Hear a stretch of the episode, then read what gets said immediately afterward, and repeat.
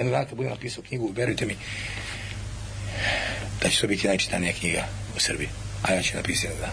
Ali kad budem izašao iz futbola. Jer me onda neće moći da me suspenduje. I da me kazna, verujte mi. Mislim da neće moći da bude jedna, morate jedno, jedno dva, tri dela knjiga Nenada Lalčića o, o, o srpskom futbolu. To će sigurno da se desi. Pa to će milijardu posto. Milijardu posto. Milijardu posto se desiti i to treba se desiti. Jednom treba se da izađe na vidlo i izaći.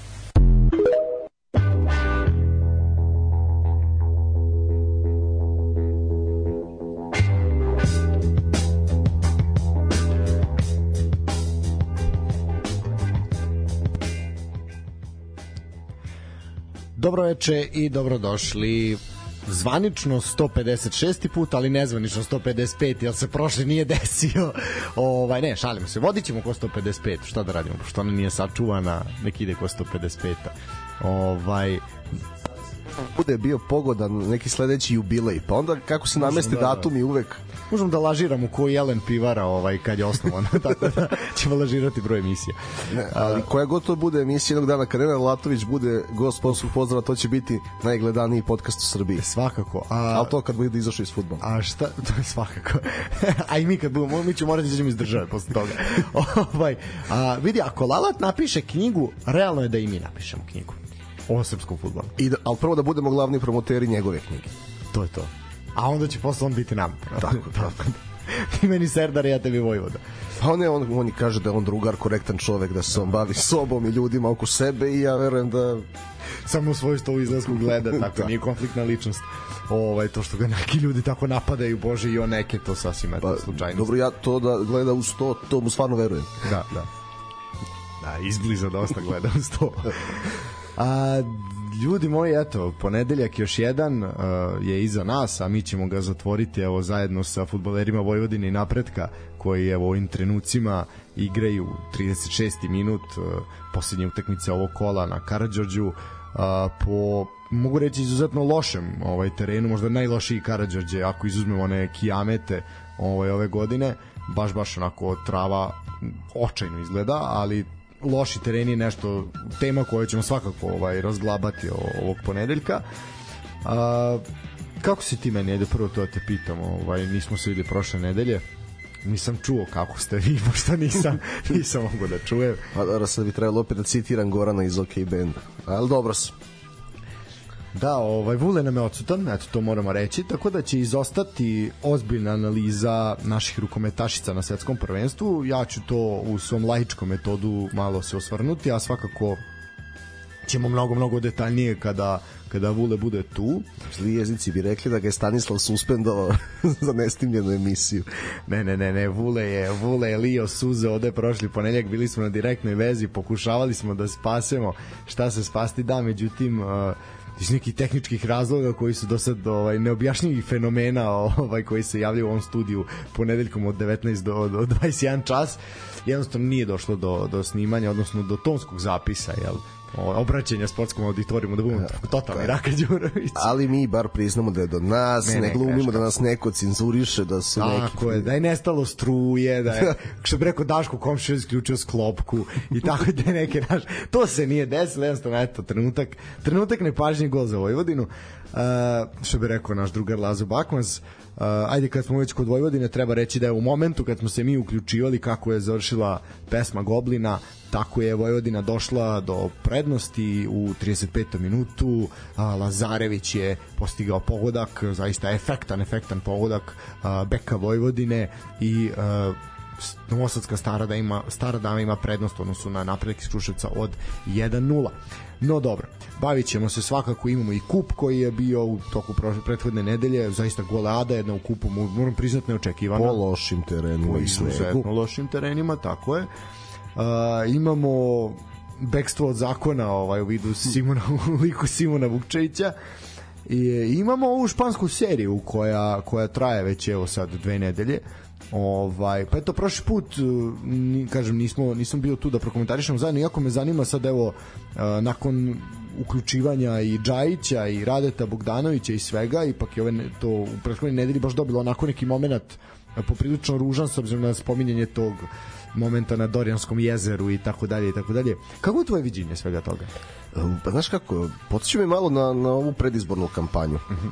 Imamo ovaj, znači, Pixija koji je oličenje neke vladajuće strukture, pa imaš ove mlade nadolazeće opozicionare u vidu Vidića i Matića i imaš Radeta Bogdanovića koji mi je kao neka ono alternativna treća lista tipa Nestorović, razumiješ? To, to, Glas naroda. Upravo sam te rekaš da Nestorović. Da. e, to Nije je baš to. Šaip Kamberi, ali je to... ne, Šaip, vidi, Šaip Kamberi je ozbiljan gospodin sa držanjem. Tako da... Tako.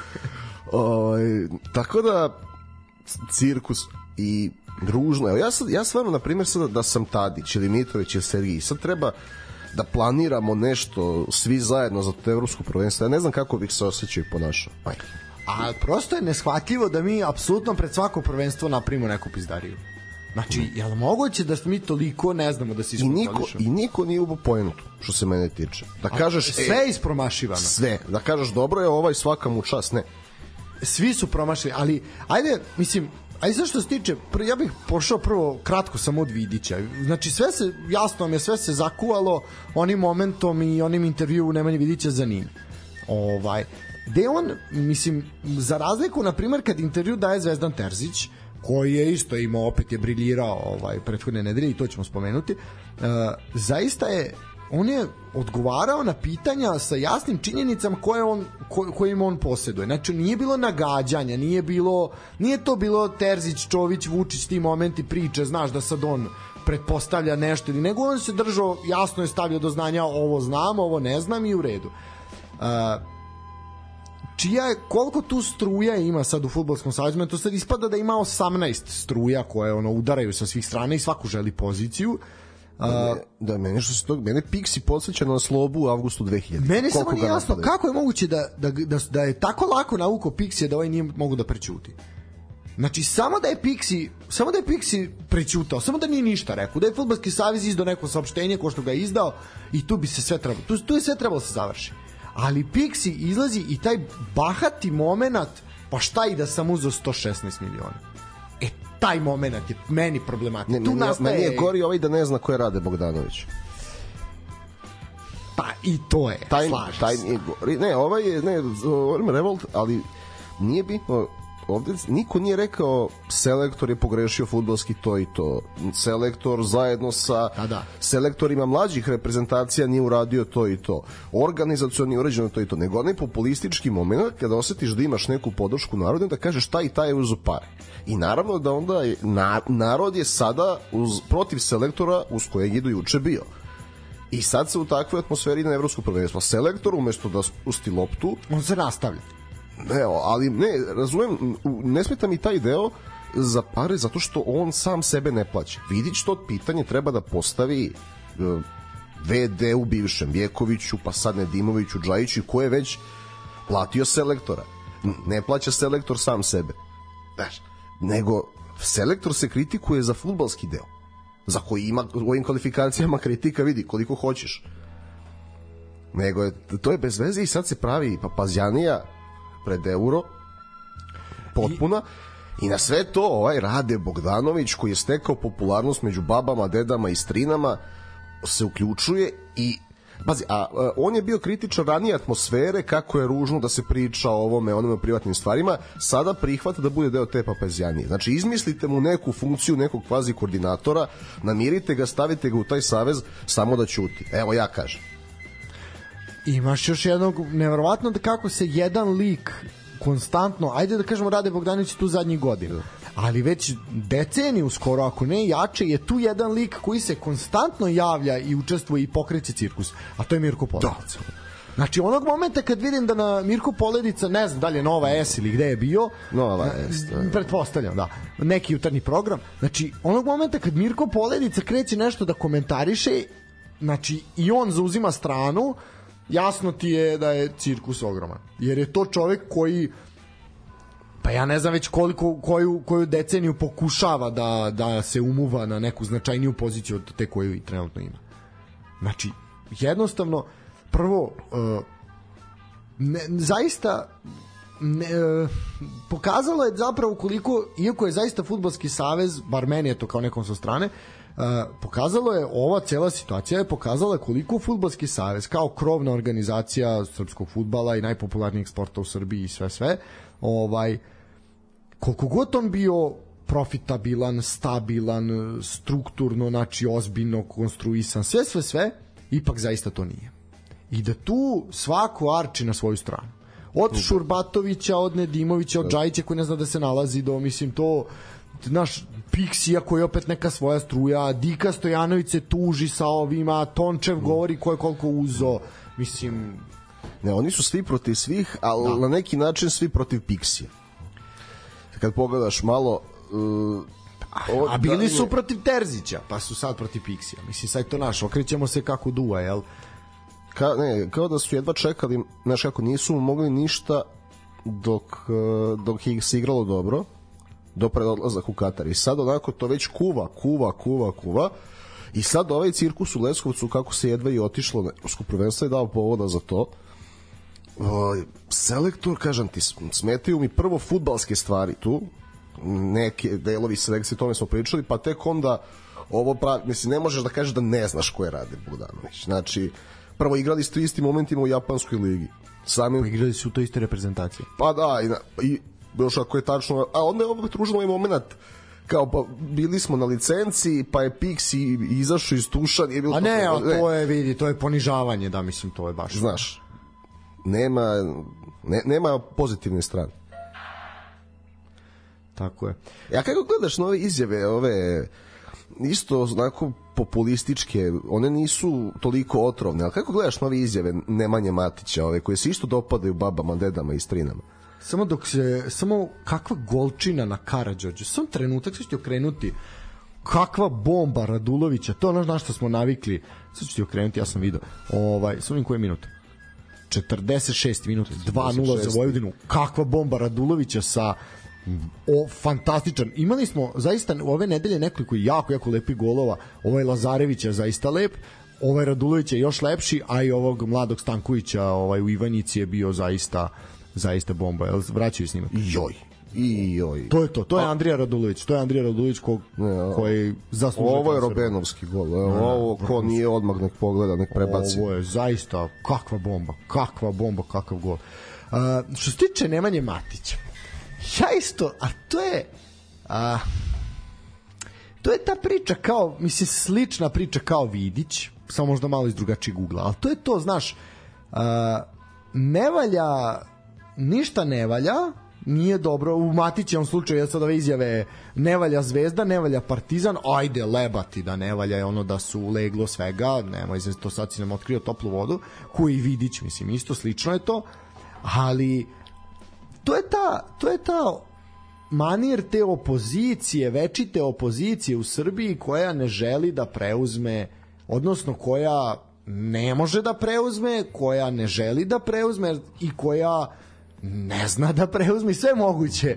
ovaj glagole ovaj jer zaista i kad bi došla na tu funkciju koju priželjkuje da li je to vlast u državi ili je u fudbalskom savezu ili šta god jednostavno bi radili sve isto Meni bar tako deluje. Možda bi bilo malo kulturnije. Kako, kako mu valja saradnja sa vlašću na Lubu? U njegovom klubu. A ne valja mu sve pa. ostalo što se radi. Mislim, to... Pa, izvini Nemanja Matiću, ali te kako je e, zaista su i Crvena zvezda i Partizan ogledalo ovaj onoga što predstavlja država, odnosno vlast u državi, jednostavno je ta, uvek su i bili. Svaka vlast u državi. Svaka, uvek. Mislim, to, ta priča o nekom u nekoj opoziciji u klubovima to je to, to je toliko smešno. Može mogu biti navijači opozicije ili pristalice ove ili one vlasti ali sami klubovi pa ljudi mojte biti mislim taj ko padne na Matićevu izjavu kako ne shvata da apsolutno skoro ne pa 90% klubova u Srbiji bira predsednika na osnovu partijske funkcije? To ti je dovoljno Pa bi i on sam na nekim listama. Mislim, tako je. Uz listama podrške. Isto tako možemo... I nije ih demantovao, vidi. Odličan šlagvort za listu podrške.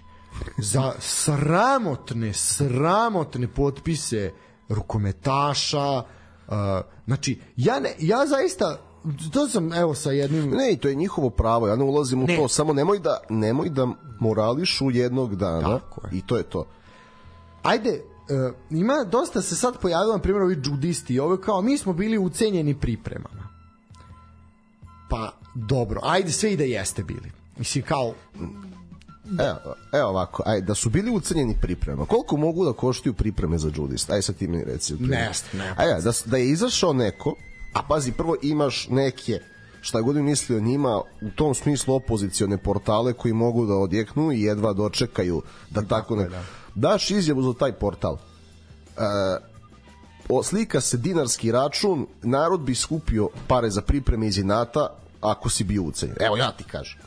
ne slažem se ali onda nemojte srati Nego je to, to je taj, taj, taj alibi onda da. morao, nisi morao, nisi ništa morao, jer samo onda mogu da navedem ove slučajeve, ne, iz bližeg, bližeg okruženja kako ljudi prolaze i šta znamo životno, onda bismo da. pretvorili emisiju mnogo depresivnu, koji nisu morali i taj put i odabrali su teži put. Zašto je Ale, Aleksandar Lazevski potpisao? Čovjek igra. Čovjek prvo mislim da je završio karijeru, ne igra više.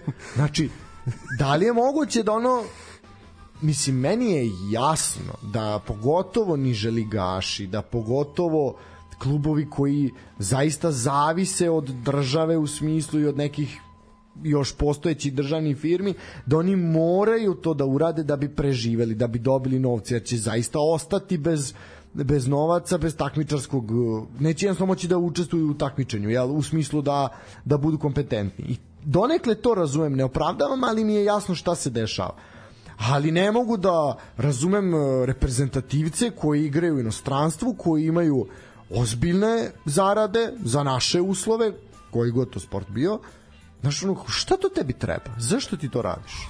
Znaš ono, Ali, ali vidi, ne za, ni za vlast, za opoziciju, ja stvarno bih da se sklonim iz toga. Znači, ali znaš, znaš ja mislim da je to iskreno? Kad, kad gledam, malo ima tu i nekih još ove ličnosti, ovaj, razmišljam jednu da pomenem za jednu ovaj, listu, ovaj, zarađalo, onako da kažeš kvazi opozicionu. Ali valjda je to ta neka navika i kod tih sportista i kod glumaca, kad se kad dođeš mlad i relativno brzo nekog velikog novca, i ti kad navikneš da ima, znaš, t- tebi meni je doručak, ne znam, 200 dinara, njima je 1000, pa sediš, sa- navikneš na taj način života i onda kad to malo nestane, Uh, ima ona, znaš, prva rečenica kad dođeš na ekonomski fakultet, otvoriš knjigu iz makroekonomije i piše ti nagon za zgrtanjem blaga je po prirodi neumeren. I ti kad navikneš jedan način života, ti si došao tu, veoma brzo Želiš tu i da želiš da ostaneš tu i onda se prave ti takozvani kompromisi pa aj šta, aj šta će Duško Vujoševiću da bude s Borisom Tadićem i Sašom Radulovićem na to, to je jedno, to je čekaj čovek koji, mislim, za mene najbolji tren, najbolji trener E, ne, i, i da nije. i da nije I da nije. Čovek, ajde da izuzmemo taj moment šta je uradio u sportu. Znači, samo da izuzmemo taj moment. Znači, Duško Vujošević je realno penzioner koji ima ozbiljnih zdravstvenih problema, znači ozbiljnih zdravstvenih problema, koji bi zaista, u, koji ima porodicu, koji nije vuk samotnjak, znači koji bi trebao bar neko je normalno razmišljanje da koliko god on imao ideale i sve to stoji, ali trebao bi prvenstveno da gleda valjda neko svoje zdravlje i okej da pomaže mladim naraštajima da ovo da ono sve to stoji ali šta do, š, zašto, kakav ti imaš poriv, kakav nagon imaš da ideš sa ludim Radulovićem i sa, Borisa, ali- sa Borisom Tadićem kuk treba isto tako hospitalizovati. ali gledaj Pazi, Boris, ali čekaj, Boris Tadić, čovjek koji je bio, bio predsednik, ure bio predsednik. Čovjek koji je završio psihologiju. Znači, čovjek koji je koji je zaista završio psihologiju, nije kupio diplomu na pumpi, znači on ima redovan fakultet, bio profesor, sve, sve je bio poštovan, da kažeš, od strane studenta, sve, sve stoji. Znači, jedan pametan čovjek, da kažeš, uman. Ne mora nužno pametan, ali uman. Kako ne, kako čoveče, pa završio si psihologiju, pa ti znaš šta vlast uradi čoveku, pa skloni se, bog te, pa ispadaš smešan, postani dostojanstven bar malo. E, a imam pitanje za tebe. Koga je Duško Vujošević napao da Partizanu nije napravio obećanu halu za trening? Ne, Pa Borisa Tadića i tu da, da, vlast. to je bilo, da, da, to je bilo to. Razumeš? Da. Meni je ne, ovo je fenomenalno stvarno. Gde mi živimo? Pa ne naš ono, mislim, aj sad ušli smo u tu priču, ja sam juče sedim i kao dobili su, stigli su pozivi za glasanje, jel? I listam kao, ajde vidim sad na ono na kraju koje su sve liste. Zanimalo me te, te fantomske liste koje zapravo ne postoje, jel? I gledaš, no, jevo, kakve su to izmišljotine, znači... ja sam vidio da nema Rize Haljimija i odustao. Nije, nema Rize Haljimi, ali tu je Šaif Kamberi, tako da, vidi, Rize Haljimi je gospodin za ove, znači gospodin.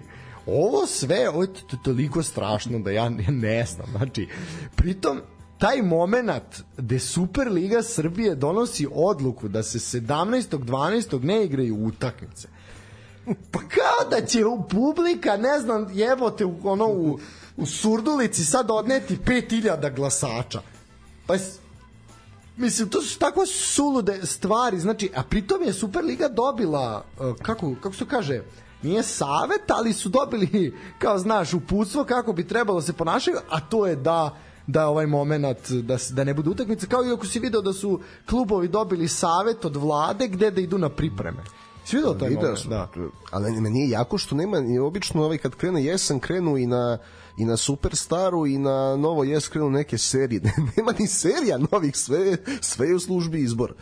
Da, mislim, ne, ne znam šta bi rekao, aj samo nek završe, mislim, svakako da, mislim, ne, ne, niti ćemo pozivati, niti ovo, niti ono, nek svako radi šta misli da treba i gde misli kako shvata i, i vidi stvari, hoće izaći da glasa, neće izaći da glasa, to je vaše pravo, ovaj, e, sad šta je pametno, šta nije pametno. Ne, mi ćemo sam samo pozivati ljudi da idu na utakmice. To je, Tako je. E, i, I to jako ima jedan moment me iznervirao, a moram, to ćemo doći do, kad dođemo do Vojvodine, e, za Ranka Popovića jako me izjave iznervirala ovaj ali to ćemo doći doći do toga da se pokaže da vidimo onda zapravo se uhvatimo u koštac gde je gde je zapravo problem sa posetom. Uh, ajde da mislim treba pomenuti Simona Vukčevića. To je nešto što kad smo kod izbora i kod lista bivši futbaler Partizana, nekadašnji reprezentativac Srbije i Crne Gore, reprezentativac samo Crne Gore, uh, čovjek koji igra u Sportingu, čovjek koji je zaista bio ozbiljan talenat, koji nažalost nikad nije ostvario neki svoj potencijal. Ovaj, mi ga se sećamo jer je negde obeležio naše tetinstvo, da kažemo, u tom periodu i u tim, na tim godinama.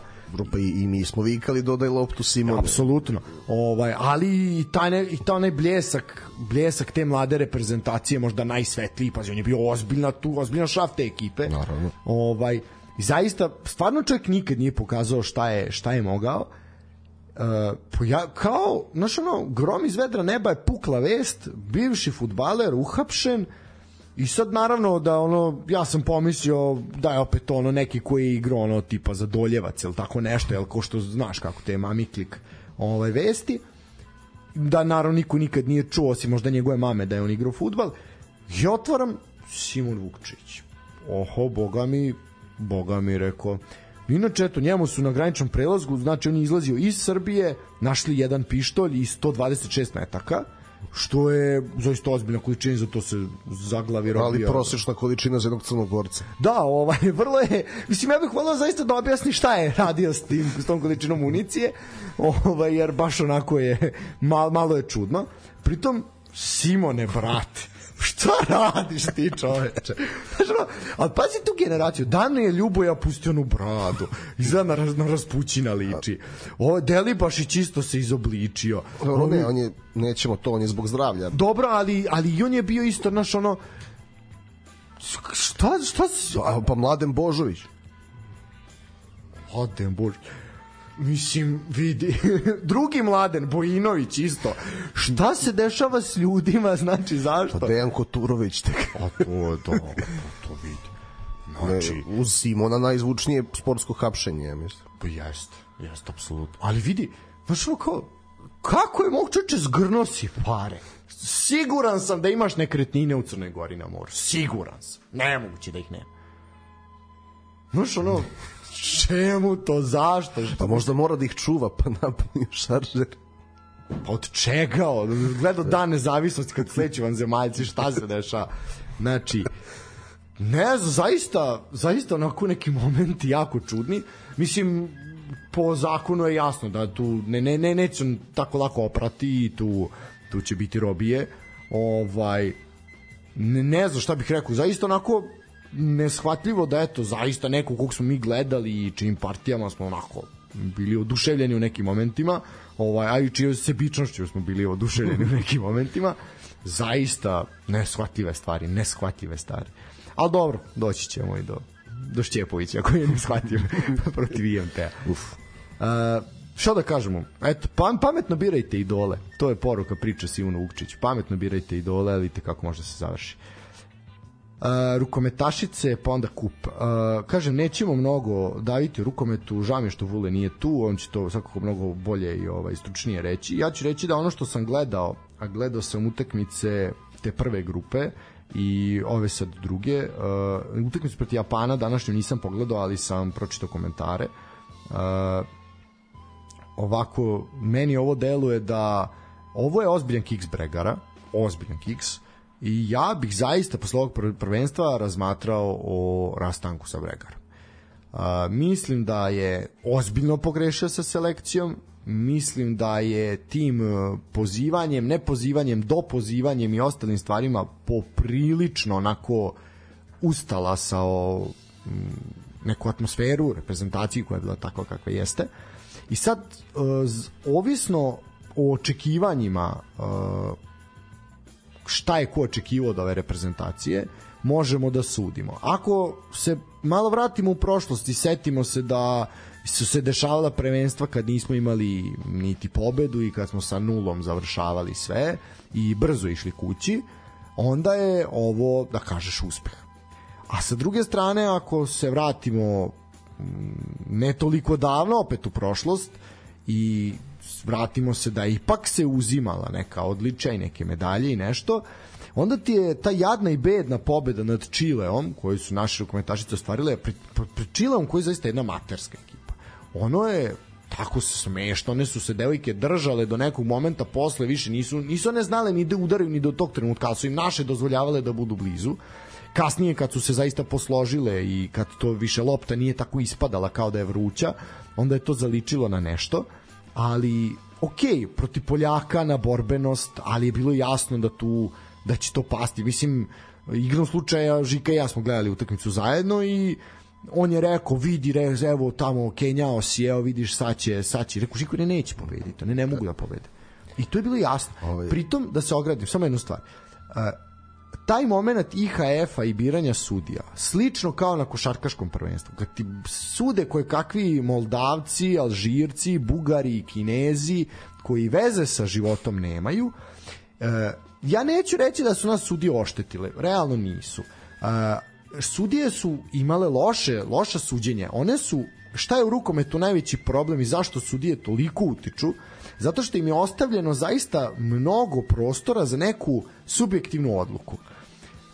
Greška nastaje onog momenta kada vi niste sigurni u sebi, u sebe i kad vam se onda autoritet poljulja u tom smislu da pomislite, ha, možda sam sad bio pregrub prema Nikolinoj ekipi. Ajde sad da im vratim. I onda vrati Nikolinoj ekipi u napadu i onda isto tako, a joj sad moram i ovima da vratim. I ta kompenzacija dolazi do haosa koji je bio i protiv Poljakinja i protiv e, ovih Nemica i tako dalje i tako dalje i protiv Danske, i protiv Rumunije i protiv svih.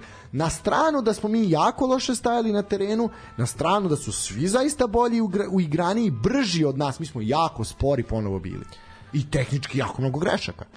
Ja nisam pratio ovo prvenstvo. Evo, samo ću reći, gledao sam, što, nešto sam gledao drugo kad sam seo na kafu, pa je pored išlo Srbija-Čile. To je bio 20 i neki minut prvog polovremena, poslao sam sretnu poruku, vrati šta je ovo 8-5 pred polovreme. E, samo to mi je bio utisak, ta sporost, ovako laički, Uh, moje pitanje prošle emisiji Vuk koja i sada je za tebe, u stvari ne, pitanje ću na kraju. Sad si me posjetio zašto volim FIBA ligu šampiona u košarci. Uh, tamo su objektivno lošije sudije do njih u Euroligi i Evrokupu.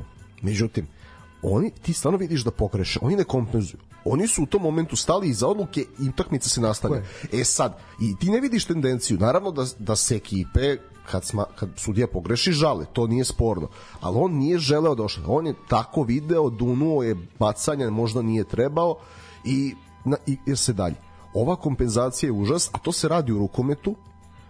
Posle... Ono što ga kolje.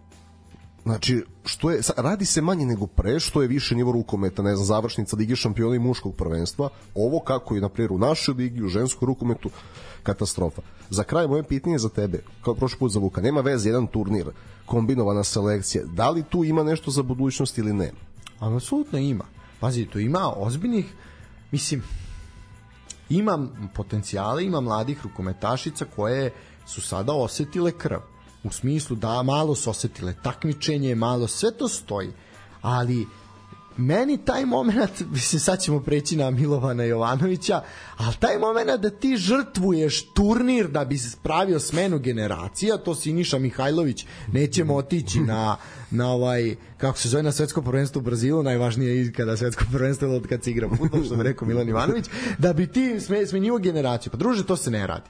Pritom, najbolji pokazatelj svega i uopšte gde se nalazi i naša liga, ženska i pogotovo ženska, vidi i muška je očajna, ali su tu, tu je Vojvodina koji neki svetlo primer kao što su Zvezda i Partizan bili u futbalu u Evropi, pa su skupili bodove da eto imamo pet klubova u Evropi, pa se na kraju pokazalo da ti nisu za ta takmičenja. Uh, problem je u tome što ti si imao dve utakmice sa Japanom, plastičan primer. Tebe su Japanke odučile. One su njih, one su bile na terenu i u toj aj dobro priprema pa priprema. Ali ova sad utakmica, znači igrao si pa majka mu stara pred tri nedelje si igrao sa njima, nije ni tri nedelje. Tebe su one opet odučile. One su, njih je, Nikola, njih je kao da ih je bilo tri više na terenu ali samo kretnja, brzina, brzina, brzina, nema davljenja lopte. Nama lopta ispada. Te neke od devojaka su zaista ruku na srce izgledale kao da su ne znam, bile na porodiljskom i posle dve godine uzele loptu u ruke. I ja sam igrao amaterski. I sad da izađem, eto, godinu i nešto dana nisam trenirao. Da sad izađem na teren, to bi tako izgledalo. To bi tako, to bi to ispadanje lopte bi tako izgledalo. Kao da, kao da, da ti fali motorika pokreta. A fali ti zato što nemaš ligu, ko, isto i za futbal, nemaš intenzitet takmičenja. I tu je problem. Premlade igraju u našoj ligi, prebrzo odlaze, ili se vraćaju, da ne kažem ružna reč za žene, ali polovnjače, ovaj, zabranit ćete se. Ali shvataš da ću da kažem, islužene, Ako islužene, ne bude ni ove emisije, poštovani slušalci, ovaj, A daleko je 8. mart, ajde prostit ću. Ni- Ovaj, ne, ali shvataš šta hoću da kažem, naš ono Ništa, ako ne bude ove emisije, neće biti zbog Stanislava. Sad ja moram napraviti neki kiks u sledećoj, da se solidarišem i tako. Onda. kompenzacija drugo i samo kompenzacija. Ne, tako da, naš, tu je jednostavno problem. Problem je intenzitet takmičenja. Ono što smo pričali pre, pre put kad sam bio sa Vukom, ta, taj moment suđenja, znaš, imaš lo, e, realno kriterijum suđenja koji nije u nivou sa, sa takmičenjima, što evropskim, što svetskim i naravno da nastaje problem jer ono pušta se ruka, ne pušta se ruka, pasivni napadi se brže dižu vamo tamo, znači sve to ima šta je šta je šta je problem. Evo jedna preporuka i digresija. Bio je seminar o Zagrebu i ja se često ne slažem sa Veselinom Vujovićem i njegovim alibi izjavama. Međutim, dao je neke veoma dobre observacije kako unaprediti igru i šta fali rukometu. I od, baš u tim dvostrukim maršinima, kompenzacijama, jednom pravilu do 59. minuta, drugom od 59. i slično. Ko voli rukomet preporuka da, da posluša iskusnog trenera i velikog bivšeg igrača. A ovo, dakle, šta da radimo? Da se ubrzamo malo.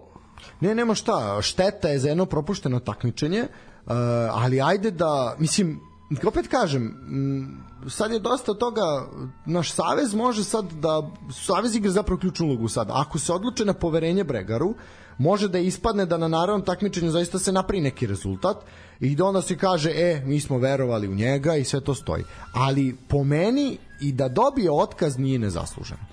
E sad, na njima je. Ja kažem 50-50 je u ovom momentu. Zaista je 50-50. Mislim da je moralo i moglo bolje. Pitanje je koliko će sve uticati na atmosferu za neke buduće okupljanje, za neke buduće stvari. To je to. To je to što imam da kažem. To je to. Uh, kup. Kup je bio, kup je bio, kup je prošao, kup je naš. Uh, nekoliko zaista vrhunskih utakmica. Mm, Ovaj put bih pohvalio arenu. Svih osam utakmica prenošen. Mogla da se gleda. Tako je. Uh, e sad, moglo da se gleda tamo gde nisu bili pod snegom, metar snega i beli dresovi. Na, neverovatno. Eto, to, još samo eto to bi mogli da sredimo i da se ne igra s belom loptom po snegu. Dobro, to nije do arene, ja sam... To nije do arene, da, to je do takmičenja. To, Mislim, ne znam šta bih rekao, ono, e, ali ajde, ba, doći ćemo do toga. Prvo, prva utakmica, znaš, ono, Novi Pazar Inđi, i tači Inđija Novi Pazar, po jednom jako lošem terenu. Znači, Inđija, okej, okay, zaista ni u najsvetlijim koje je pre superligaškim imala korektniji teren. korektan, ne, to sam pre kažem, nije bio Wembley, ali je bilo korektno. Ovo sad je bila jedna oranica, kojoj, pa čak ni majstori, ali stvarno se pokazali kvalitet i zaista su kvalitetniji e, ljudi iz Novog pazara, odnosno momci iz Novog pazara, nisu mogli da igraju. Mislim, okej, okay, jesu oni dali tri gola, ali to je bilo napucavanje i onda trči za njom. Ne, nisu mogli onoga, pazi, imali su nekoliko prilika za četvrti, ali kako ti lopta odskoči u dubinu? Da, ne, to protivi se zakonima fizike. Mislim, baš je bilo onako nerealno loše. Pazi, na normalnom terenu Bogdanovski bi dao pa bar dva od one četiri šanse, polu Ne šanse. bi ali bilo 2-3, bilo bi možda 1-4 ili 1-5, mislim da, ali dobro. Fantastično prvo poluvreme, pazi, ti si uh, do 30. minuta video pet golova, što je za kup takmičenje naše, pogotovo prethodnih godina, dosta onako redko. Ovaj, nije se dešavala takva situacija. Šteta je što je, bilo mi je baš žao, vidim dosta ljudi se onako zapalilo u ko ludilo u Inđiji, daj, daj, daj, onda prebace drugo polovreme, ono, ono ništa. Do, ali pazi, nešto je fora, bio isti broj šansi i Da, polu samo nije šansi. bilo golova, da, da. Ovaj, tako da, uh, zaista, prvo, svaka čast Novom pazaru, oni su prvi četvrtfinalista, oni su prvi ušli, ovaj, Indija može biti toliko, ponosna. toliko dobrih igrača imaju, znači ne, mrtvi ladni ne povedu sumu Ljajića na gostovanje i takav teren i pobed. Apsolutno, apsolutno. Uh, Ergelaš dva gola, Dušijan iz penala, Bogdanovski je odnačeo i Indiju i onda Kojić i Radosavljević su smajali. Indija zaista može da bude ponosna, dostojno su se držali i nosili protiv protiv Pazara, mislim da onako zaista za respekt je to bilo, za jednu mladu, mladu ekipu. Uh, jedino, iz, ajde prvo ovo iznenađenje, pa ćemo onda uh, se baviti ovim goleadama, mislim manje više su sve slične, pa ćemo to samo pretrčati. Uh, Ofka Vršac je zapravo jedini koji je izbacio Superligaša, mislim u ovoj rundi Opet. sad. Opet, da. E, da li je iznenađenje kad toliko? Mislim, jeste iznenađenje, ali baš smo, e, e, to ono što sad nema. Snimino Vuli, ja smo pričali da može da se desi. Pa apsolutno je bilo da da ovaj je da je na blizu da može da se desi tako nešto da se može očekivati, ali ja moram pohvalim Ofka Vršac koji je zaista ozbiljno dobro stajao na terenu. Znači, oni su se ozbiljno, ozbiljno, prvo krvnička borba, ono, do kosti, a sa druge strane ozbiljno su dobro stajali i mora se priznati jednu ipak kvalitetniju ekipu igrački Bez dileme. bez, ipak su savladali. Pazi, imao je Zličić onaj slobodnjak gde je češala stativu, sve to stoji. Imali su oni i sreće. Moraš malo da imaš. Naravno. Ali su je zaslužili. Apsolutno. Ali nešto moraš i da odigraš, oni jesu odigrali ponovo. I ovo je već drugi trener od kojih su oni zaista defanzivno dobro organizovana ekipa. Tako je. Uh, tako je, pogotovo, vi- a vidimo šta je šta sad bivši trener Ovka Vršca i, i ovaj Kolubare, šta radi u, u Superligi Srbije. Uh, šta još imam da kažem? Uh, da, treba reći Milivojević posle jedne sjajne solo akcije i centaršuta Todorovića, zaista pogodak ovaj, koji je eto vrščanima u 66. minutu donosi četvrt finale kupa i sad samo ostaje ne bih voleo da na on žrebu izvuku večite to je ono što ne bih voleo ovaj, daj da vidimo nekog pa daj da se nadigravaju pošto ne i polufinale. No, pazi, ako opet budu domaćini, i sad ko njima tu može da, znači, Večiti, mo, Čuka i Vojvodina, verovatno. Da su nosioci, a ne nosioci Pazar, da. Radnički Kragujevac, Vršac i ko je još ostao tu iz nekog para, podsjeti, Voždovac. da Voždovac je ostao da. A vidi, sa Vojvodinom i Čukom to može biti, pa iskreno kako Partizan izgleda. Ovaj. nije isključeno uopšte Samo je pitanje termina i terena, ono, malo stanja u timu, ali ja im želim da izvuku, da budu domaćini, da onda gledamo zanimljivu utakmicu. A sve ovo ostalo, kogod bude domaćin gost, u ova tri para može biti veoma zanimljivo.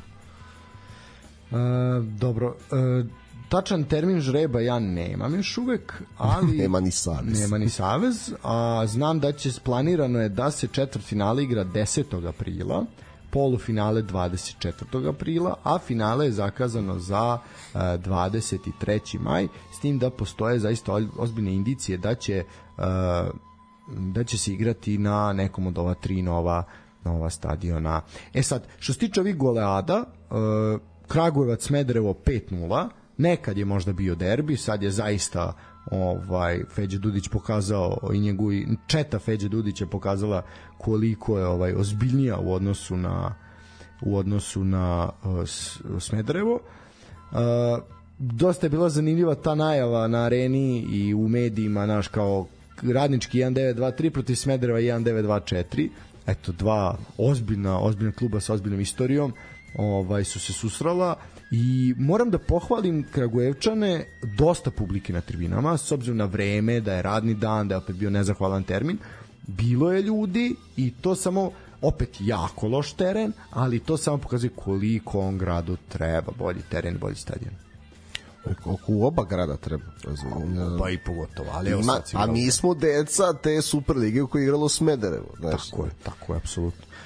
Ja stvarno mislim da je njima po svemu onako mesto da mislim Smederevo u trećoj ligi ispod drugog ranga je to baš onako meni neprihvatljivo. No, apsolutno, slažem se. Mislim da je ono prva liga. Pa... Ali se vidi, vidi se razlika ipak između Super lige i prve lige, o njoj smo pričali, tako da utoliko je podvig vršca veći, iako mi nije znađenje zbog toga kako napredak izgleda, vidimo Istina, i da. sada na Karađorđu da to baš da. ovaj, dobro, ali stvarno je ovaj kad su na gostujućem terenu prvoligaši stvarno ogromna razlika upravo se to videlo znači u ovom meču između Kragujevca i Smedereva, između uh, Čukaričkog i Ne, Čukarički igrao Dobro, Čukarički igrao, pa ajde, to je bilo Fjordovska omaška. ovaj, I imali smo Voždovac i Radnički i Sremske Mitrovice ovaj koji je zaista onako bio isto jedan snežni, jedna zimska čavalija. Kako, kakav sneg i kako dobar fudbal Voždovca po snegu. Tako je. Uh, ali što se tiče Čukaričkog Javora, jedna odlična utakmica. Uh, Čuka, eto, Igor Matić sve pod, sve pod pritiskom, pod pritiskom, ako ovo izgubiš poraz, ali međutim, eto, ako ovo izgubiš, letiš napolje, a međutim, pa, eto, vežu se... Nekom prete do kraja sezone uzme čovjek titul. To je to, je to ono, kao Trajković, kad god, dogod se nudio, nisu mu dali otkaz, je prestao da se nudi, onda se onda je dobio. ovaj, tako da to je to, očigledno u tome, u tome što se. Uh, zaista, revija golova na dve beogradske utakmice, 14 golova smo videli u duelima Čukaričkog Javora i uh, Voždovca i Radničkog iz Sremske Mitrovice. Zaista je šteta što nije bilo ljudi na tribinama, to je prva stvar. Druga stvar, neshvatljivo mi je da uh, meni nije jasno. To sam baš se, u juče sam gledao isto Javor i jel, Čukarički ovaj put u Ivanici. Uh, meni nije jasno ko forsira bele dresove u Javoru zašto ljudi pada metar snega imate ljubičaste dresove ovi su crni aj molim vas da se to vidi onda vamo dole kaljuga, vi opet bele dresove, svi ko prasići ili izgledaju, znači strašno. Ajde, pizi, nije meni, pričali smo to više puta, nije meni, nije meni žao dresa, meni je žao te tetkice koje posle to treba pere. znači, veš mašine, ljudi, nemojte to raditi. Uh, tako da na šalu na stranu zaista ozbiljne ozbiljne ovaj ozbiljne partije neki drugih pokazali su koja je ipak razlika u kvalitetu i tu tu nema priče. Uh, imali smo kvazi novosadski derbi, to je što se tiče ovih tih laganih pobeda. Karadžođe je i tu izgledao očajno, mada ajde vremenski uslovi nije bilo suvo u Novom Sadu, ali je zaista bilo loše. Uh, treba reći da je Gat kod prva dva primljena gola apsolutno pokazao zašto se nalazi gde se nalazi na, prvu, na tabeli prve lige Srbije, da oni su realno ne ekipa sa termina ovaj, sa Petrike, ovaj, sa hetrika otprilike, znači samo su malo napucani iste i više tetovaža imaju realno jako to slabo izgleda i jasno je ta priča ono i kad smo to pričali ovde do onog momenta kada oni ispadnu iz Superlige da to da, ono... cela Srbija se čudila i tom ulasku svi se pitali znaš, ko su ti a, a to je kad nekom privremeno nešto dune i onda ima neku ambiciju znaš, ono, kao detetu kad osadi igračka. I sad ja se ne bih iznenadio da završi u četvrtom radu. Ne, apsolutno, ovi se tonu idu daleko. To, nema, to je slobodan pad. Tu dok, dok se ne obreča najniže, to vidjet ćeš. Treba reći istaknuti da je Vukić malo začepio ovaj usta kritičarima, a ima ih zaista na zapadnoj tribini Karadžića, jedna je jako, jako lep lep pogodak za 3-0, tako da eto to ono što ću istaknuti iz tog meča. I poslednji meč kupa koji ovako brzinski pretrčavamo je Partizan Grafičar, Uh, klinci, Eto, svaka čast. Ne, da po, pohvale svim Svaka čast. igračima, Svaka čast. gde ima možda budućih reprezentativaca, pohvale Marku Neđiću, mladom treneru, 33 godine, način igre, upitno da li bi izgubili da nije bilo drugog žutog, odnosno crvenog kartona. Tako je. Partizan ovaj, zabrinjavajuće loš, ali pazi, to smo pričali i Vule i ja i kad si ovaj, pobedila Vojvodina da je mnogo šablonskih stvari i da je to bez neke igre. Onda se desio grafičar i eto, jedina ne šablonska izmena gol Dušan Jovanović. Pohvala, debi, 17 godina, nadovezao se na dobru formu iz omladinske lige šampiona, eto, to je jedino pozitivno što je Partizan mogao da izvuče iz tog meča. Sve ostalo, jedino je to što druga penal serija gde Partizan pogađa svih pet penala, to nije za taj klub karakteristično, Tako je, ali moram je, priznati da ja ne pamtim sigurniju penal seriju Partizana nego ova sad. i ova protiv Sabaha je bila Dobra je bilo ono ponovljeno, ne znam šta vam tamo, pa kao bilo je malo ovde. ne, ne, u smislu izvođača Partizana je bilo izvođača. Da. Znači, zaista bez ono, svaka čast. Svaka čast, baš što se tog dela tiče, svaka čast. Malo, mm, a dobro duše, ajde možemo napovezati e, svakako, e, ne znam koliko su ljudi stigli da isprate, ali taman ćemo se nadovezati na publiku izjavu Ranka Popovića. E, Partizan je danas kiksa u Nišu, 2-1 je bilo za radnički iz Niša. Meni je lično zasmetalo, evo sad ću tebe pitati, meni je zasmetalo malo ta Duljeva priča idemo sa decom i onda ti tu decu menjaš u 45. minutu. U, ne, užasno. Pritom ideš sa decom protiv dece, znači Tako protiv svojih vršnjaka sigurno, ako ne mogu da igraju protiv svojih vršnjaka, protiv koga će da igraju, ja ne znam. I pazi, i pitanje je da li bi Dušan Jovanović ušao da je Taki Nikolić bio zdrav. Da je imao tog drugog špica na klubu. Tako je, a šta bi onda bilo? Šta bi onda bilo? Pitanje. Pa, dobro, dobro, Taki uvek ima neku magiju, znaš, da. ali svejedno, ne, zaslužno bi bilo da je grafičar prošao, nije, ali ti momci ako tako nastave i njih i rekli smo već trenera čeka svetla budućnost. Apsolutno, to oni oni jesu jesu ovaj budućnost našeg fudbala, ovaj sigurno Superlige Srbije ako ne i nečeg više. Ali mislim ta nepromišljena reakcija Bubakara i taj crveni crveni karton definitivno je doprinelo mnogo, ali slažem se tim što si rekao ali ali to, to je za hjerarhijski potez odmah vađenje dva uh, klinca pričemu baš da ni, ne, ne smatram ih toliko ni klincima to što dogodine pune 20 godina Pazi, baš da je imao tri ozbiljne šanse. Mislim, ali onda to je znaš kako četvrtu bi možda pogodio. to nije poruka za njih ajde daj im 15 minuta daj uh, instrukciju poluvremenu promeni nešto nek, pa nek njih dvojica uđu u šansu i Trifunović i Baždar ofanzivno su možda možda se to izrodi u neko vojstvo ne, odmah daj Saldanju i ne može, znaš, ne, ne može Saldanja, a videli smo da se ne može, koliko, 30 utakmica treba Saldanja da reši. Ne može. Tako je. Ne može Saldanja da da koliko sa ničan ne može da usere. ovaj. Ne, ajde, mislim, možemo se nadovezati odmah na tu utakmicu.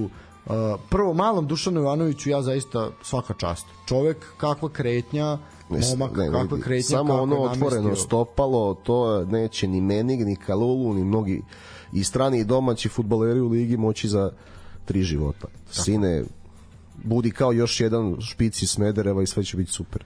Tako je. Samo što ono čega se ja plašim, ali eto, uh, je li bio uopšte sad na spisku? Nije bio u protokolu za Niš, nije. A igrao je sad. E, igrao je, jesmo 15 ušao. minuta. A, tu izvinjam, taj moment nisam, nisam uhvatio, s obzirom da smo bili u ovoj pripremi za, za ovaj deo. Uh, ajde, pošto ja sam ispratio, što se tiče Niša, ja sam ispratio prvo polovreme i video sam gol Saldanje, dobro video sam i ove autogolove i, i penale. Uh, kako komentarišeš prvo očajan teren u Nišu, to je prva Vidi, stvar. ja mislim da bi radnički poveo da oni su, sa, oni su sami sebe sabotirali lošim terenu što nisu sredili. Uh, bio je Bakić, onaj, onaj pokušaj Makazica, bilo je tu... i, i Jamkam i Jović i onaj odbitak gde je Jovanović spasio i pazi i, i sve to prođe nekaženo i ti povedeš i onda opet ta, ja ne mogu da razumem ta izmena kanute 60. minut, šta je to? To ponovo, da. Svaki put. I to, ja, razumio, ne, razumio sam kad nije bio u formi. Okej, ali na čemu sad? Ne znam, i, I to Šćekić koji više stvarno ne liči na sebe. I onda, znaš, onda, kako ti objasnim, ta, uh, onda primiš gol zbog Saničanina. uh, opravdano i dosuđen penal i Ne, sve. čisto sve kao suza, čovjek je napravio glupost. I onda primiš drugi gol i onda uh, to šablon, e sad mora sve u napad. Onda daj i Takija Nikolića i daj i malog Jovanovića i Saldanja ostaje na terenu, onda se vadi i Belić, onda Šćekić treba da pokrije ono uh, Atlantski okean, zato što je Zahid centralno, koji ne pokriva toliko defanzivno, daj i Meniga, daj sve i onda iz toga se ne izrodi ništa. Znači, e, na 1-0 su opet pomislili da su u drugom poluvremenu došli do bodova i da će to sačuvati olako. To je ono kad dođeš bez igre do bodova. Znači, navikneš se malo na to i šta se eto desi? Pa iznadit ćete neko iz svojih redova ovaj put, ali... Da, da, razumeš? da, ovaj put. is- Ali, Razumeš? Kaže, mislim da, da uopšte mm, nisu oni očekivali da će biti prvi nakon 17 kola i onda kao da su nespremno ušli u sve to. Onda ne znaju, malo su rastazani da li da stvaramo igru, da li da su orijentišemo na rezultat, sve to nekako deluje nepovezano. Delovalo je mnogo bolje pre meseci po dan. Tako je. Mislim, ono neke utakmice, ne, on izvini, ono neke utakmice vezali su par koliko bez primljenog gola. Ono je stvarno i tečna igra i šanse. I ako se ne da u prvom, ti si imao pet šansi u prvom, pa onda stvoriš još pet šansi u drugom, daš tri gola, ono je bilo za kapa dole. I onda je došao taj pritisak koji je Čilavert sto puta objasnio šta je pritisak u životu, ali eto, ljudi i dan danas ne razumeju. I onda, evo, nemaju neki razlog za optimizam ni pred Kragujevac, sad posebno ne pred derbi. Pa, mm, da. Pazi, utakmica, eh, odnosno dolazak, kao malo pre rečene, Čete Feđe Dudića na JNA, boga mi, Partizan, I baš, sigurno će igrati sa Ničanin zato što ima Ilić kartone, tako da čak i da se Sveta Marković oporavi, opet će igrati sa a, Ničanin. jasno vam je iz konteksta Neće. ove priče da apsolutno svu nematerijalnu i materijalnu svojinu koju imate stavite na radnički iz Kragujevca, jer jednostavno šta sa Ničanin drugom da, da postižu bar jedan gol, pa sad. To je sigurno. Ako da ne, da će sa Ničanin za njih, da. Pazi, ne, ne, pobedila se Vojvodina, ali se primio gol. Kad igra sa Ničanin. Da, da, znači strašno. Uh, ne, na, fenomen Siniše Saničanina je nešto što zaista treba da se izučava na svim futbolskim školama. On, on, on, on sad će, opet će reći da idemo u politiku, on, opstaje kao da je član SPS-a, znači uvek tu negde Da, na svojih 15% uvijek, da. na 15% odigranih utakmica, ali kad ga odigra, onda ga... I onda dođe Zemara, najjači na svetu, Siniša Saničani, i da izjavu za bosanske medije, bosansko-hercegovačke medije, i kaže, žao mi je što nemam više minuta, nadam se da ću ih dobiti i da ću se vratiti u reprezentaciju. Oni se ne nadaju. Oni to ne žele. Znači, oni to jedno... Da mogu da ti oduzmu pasoš, verovatno bi to uradili. Mislim, šalim, ja verujem da si nišao ok, momak i sve, ali zaista, što se tiče partije igara, meni samo nije jasno kako se, št, kakve zvezde su se poklopile da u onoj utakmici protiv Francuske on sačuva onog nesretnog Mbapea šta se tu desilo? Šta je taj čovjek to veče pojeo? Šta, je, šta se tu desilo? Ja, samo je pitanje što Verovatno su se Dešan i Mbappe opet posvađali pre utakmice, ja ne znam. pa ga, ne mogu da ili ili jednostavno ovaj Pariz prija ovome Siniši ja ne znam da možda samo Ovo je to drugi put da je Bosna odigrala 1-1 u Parizu. da To je ono, jednom su im dali neki neregularan gol. Sećaš se, ono, kad su, oni su poveli onda golom Džeka. Ovaj, Tako je, da, da. Ne, ne, vidiš, ajde, što se tiče Siniše, ne znam šta bih rekao, zaista. Uh, pritom, uh, da, moram nešto da, sad ovaj moment uh, posete u Nišu. Pazi, radni dan, ponedeljak, 16 časova. Mi ovde trubimo 155 emisija, 156, ovaj zapravo dve se nam se nisu sačuvale znači to je već 157 ovaj što bi rekla babe uzeli smo 158 uh, čoveče, ponedeljak, 16 časova, ti imaš najveću posetu u Nišu ove polusezone. Znači, znači nije izgovor radni dan. Vidiš da se može doći. Ako ima bazu navijača, onda dođeš do toga. Aha, znači došli smo do toga i sad izjava Ranka Popovića, ne znam da li si video, koji je rekao ovako, kaže Uh, da, mene niko ne bi mogao da spreči da dođem na stadion, bilo da je utakmica u ponedeljak, utorak ili na veliki petak. Ne mogu ni na koga da utičem, ali kad nešto voliš i kada ti je stalo, onda bi trebalo da budeš tu. E sad, molim ti tvoj komentar na ovu izjavu.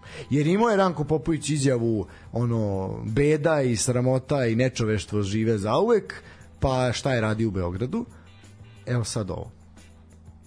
Ovi vapaji za navijačima i onda realno poluprazan Karadžođe i više od nego poluprazan, a onda u Čajru u još nezgodnijem terminu, pa Voša igrao od Pola pola, sedam, sedam, da, što je sasvim okej termin. Mislim, nije okej, jer za pola sata mi počinjemo. Ali, ovaj, ali vamo, znaš kao, koje, koje je sad objašnjenje tu? Pa nije objašnjenje, je to, znaš, sad opet, taj taj bunt navijača Partizana prema Milošu Vazuri, pa kao je sad ćemo da idemo samo na gostovanja i onda su se, kako je bila serija utakmica na domaćem terenu, neki su se uželeli gost, go, ovaj, Partizana, s jedne strane, a s druge strane Partizan uvek ima u Nišu jako uporište. Pa onda uz malo jake propagande, znaš, kad ti pozove malo i pop sa TDI-a, idemo Niš, što je učinio, ovaj, desi se to, pa onda naravno do, proradi ona inat kod Meraklija, e, ajde, nemoj da samo oni napune stadion, daj da se organizuje, da se dođe, i tako se ovde, ovde se sve radi u inat nekom. Znaš, ovi su došli inat grobarima, ovi su došli inat vazuri. Eto, to ti je najveće objašnjenje. E sad mora, mora, mora Ranko Popović da nađe neku figuru koju će navijači Vojvodine da se inate da bi došli na Karadžorđu u većem broju. Eto. A, ono što nam je ostalo da nismo spomenuli, to je moment uh, upravo sad kad smo kod publike, to je moment Crvene zvezde i Radničkog iz Niša. 5-0 je bilo za zvezdu, ok, sa mešovitim sastavom, sve to zaista su ih rašafili, ali nešto što mi nismo navikli, a to je da je zaista Rajko Mitić bio jezivo prazan. Čak ni taj najvatreniji deo severa nije bio popunjen prosekom sa superligaških utakmica. Znači, jako, jako mala poseta a pritom su pozivali, pritom je bilo jel, saopštenja nemojte da se desi to, imamo pravo jednu da ne dođemo drugu, već nemamo i tako dalje, taj slan, standardni gluposti. Ovaj, znaš, ne, neshvatljivo mi je šta je, pazi, uh, ja garantujem da će Rajko Mitić za protiv Sitija biti krcat. Hoće. Ali to znači došli smo da gledamo City. Pa nismo došli da gledamo da gledamo Zvezdu. Jer nas Zvezda ne zanima ni protiv Pa, Radničko, ni protiv Evo, privatno znam neke profile ljudi koji su me pitali za karte za tu utakmicu. Ne, nisu to 10 loši plus ljudi, Da, da. ne, nisu to loši ljudi, samo to Samo nisu ovo ne zanima. to nisu na o, hardcore navijači Crvene zvezde. Čim pitaju mene za kartu, jel? Da. Ali Dobar tekst je bio na na ovaj sport klubu a i u, na do, do, zaista jednom solidnom sajtu koji se portalu koji se peljuje zove se Velike priče Uh, i ima dobrih tekstova, pogotovo nekih anali, analiza nekih socijalnih momenata u, uh, u sportu i taj moment šta to utiče na uh, na prazan stadion tako da da li je to, znaš, ne možemo pričati da je to ni tehnologija i svi bulje u telefone i ovo i ono Ba nije, ovde se m, stalno je neka antipropaganda protiv futbala. Gledaj, kad se izgubio da Estoniju u futbalu, ono ko što se jednom izgubilo, onda je bio, ili od sličnih ekipa, onda je priorite stadione. Kad, od Estonije se gubilo ljudi moji dva puta i u košarci. Gubilo se od Švajcarske u košarci. Ne, pazi, kad se izgubio od Švajcarske u futbalu, koja je ozbiljna ekipa u futbalu, onda je priorite stadione. Kad se izgubilo od Švajcarske u košarci, gde su nam po 20 plus pojena natrpali naši ljudi, gastarbajteri koji tamo igraju košarku polurekreativno, onda nije niko rekao da se hale ruše i da se da za kolarac. Da se sete kolarca kad god se nešto kiksne u futbalu. Da. Razumeš? Da, Tako da- nije kolarac onda su onda su deca Za, kad, treba pa ne, onda smo pričali, posljednja utakmica igraš kod kuće s Velikom Britanijom pun pionir u košarci, to je okej. Da n- nešto protiv futbala Pa ne, ali Ima- to je ono što je Vidić pričao, s te strane stoji, znači e, tebi e, da se ne lažemo, dve najveće organizacije u futbalu u Srbiji su ti Futbalski savez i Crvena zvezda.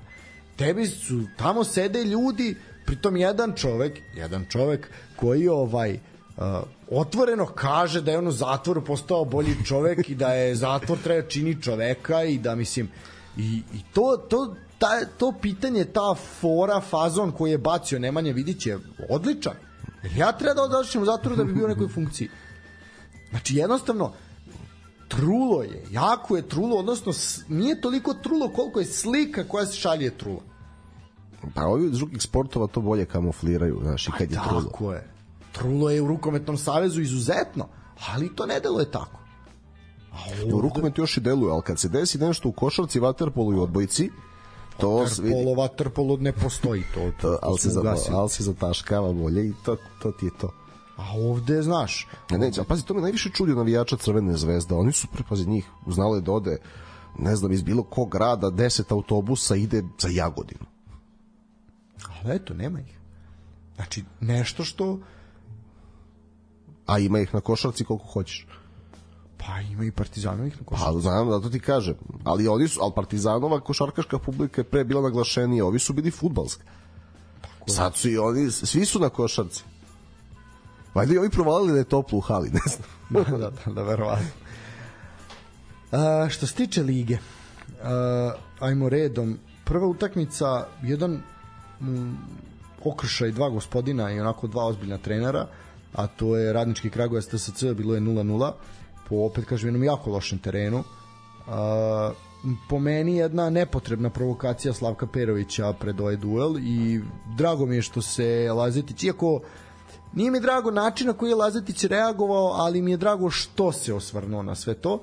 A, jer malo bi Lazetić mogao da smiri strasti u smislu a ne moraš se ni ti nas znaš ono, ali to je taj, ali to je taj piksi moment ne moraš se na svaku provokaciju odazvati. Nemoj prećuti nešto što bi leko lalat nemoj biti konfliktna ličnost. Gledaj svo to svoje društvo. nemojte drugo zanima.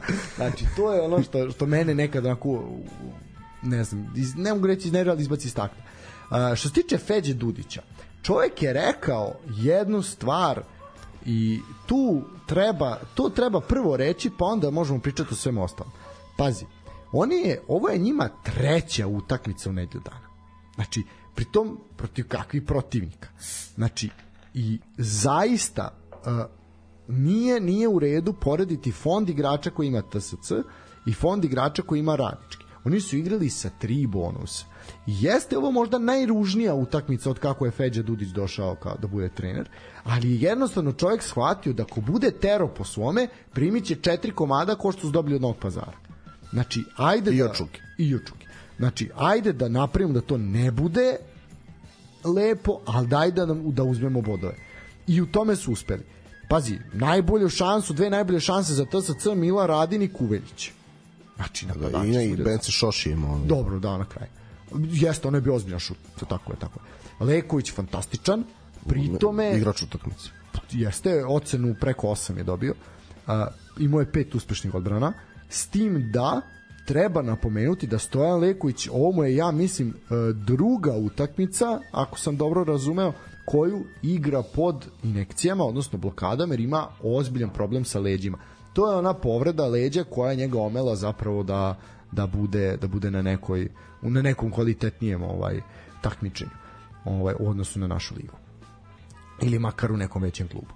Uh, tako da jedna dobra utakmica, dobra futbolska predstava po opet kažem jako lošem terenu sa solidnim brojem publike, po meni je i dosta dosta je tu onako okršaj sudije i Feđe Dudić je onako jednom momentu bio na ivici, bilo je to isključenje na klupi radničkog, ali da li je, da li je tu sudija grešio ili nije grešio, Srđan Jovanović je sudio naš najbolji sudija, ali deluje mi da je u jednom momentu izgubio autoritet, odnosno konce i onda ga je povratio malo, malo onako jednim oz, ozbiljnijim, da kažem, drčnijim stavom, tako da ajde, kažem, izvuko se, nije bilo ni način štetu, ali šteta što nismo bili golove, to ono što... Eto, pa i očekivali smo ih. Ali eto, prvi neki da kažeš skalp mali radničkog u smislu da su uzeli bodove nekoj top 5 ekipi. Tako je, tako. I sad mogu onako malo, mogu hrabro da idu na, na po svemu viđenom. U, u, taboru obe ekipe. Apsolutno. Pitanje je kako će, koliko će biti zdravi, koliko će se oporaviti zaista od jednog napornog perioda, ali ja ne vidim razlog zašto oni ne bi hrabro izašli na jednom kvalitetnoj podlozi, na kvalitetnom terenu pokazali šta znaju. A znaju. Ne mogu. znam, ne, sigurno. Tako da, očekujem spektakl, to je sve što mogu reći. Uh, Lalat u Pančevu.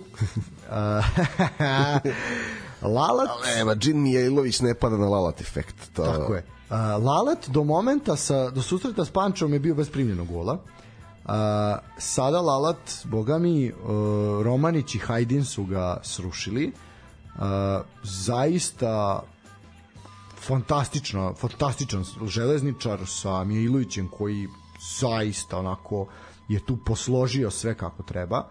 Uh, Spartak dve vezane pobede, eto, doživio je poraz, negde ostaje u nekom srednjem delu tabele gde se podigao malo uticajem Nenada Lalatovića. Uh, ono što je nezgodno za Spartak, oni sledećem kolu dočekuju Crvenu zvezdu i mislim da tu ovaj će teško doći nekih bodova. A što se tiče železničara, druga uzastopna pobeda na svom terenu, je peta ukupno u šampionatu i onako dosta to se dobro izgleda. Ne, oni su, ali pazi, znaš kako, oni su starta davali golove, ali nisu mogli da ne prime bar dva. E, sad je ovaj, Tomi Ilović defanzivno organizovao, a i dalje su opasni po golu. Tako je. Mislim, pričali smo o tome da tu ima talenta i da još se čekali da i neki igrači prorade i svašta nešto. Podlogu imaju dobru i koriste. Apsolutno. A stvarno, pazi, znaš šta mi se sviđa tu? Nije to što su oni napravili dobar teren. Dešavalo se ranije neko napravi teren, što oni podržavaju kvalitet podloge u toku jeseni. To je e, to je bitno.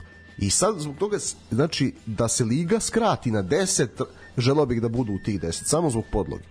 Da, da, da. Uh, pa s obzirom zaista na jako loše terene u Surdulici ponovo ono nije ličilo ni na šta ovaj Niš katastrofalan Ivanjica, Bogu plako, ono nije, ono je sve samo nije fudbalski teren, znači i Surdulica i Ivanjica zaista ono dekretom bi ih izbacio dok ne, dok ne naprave teren da to liči na nešto. Pa nek igrajte, zatvorite ga, nek bude hala, a daj da liči na nešto.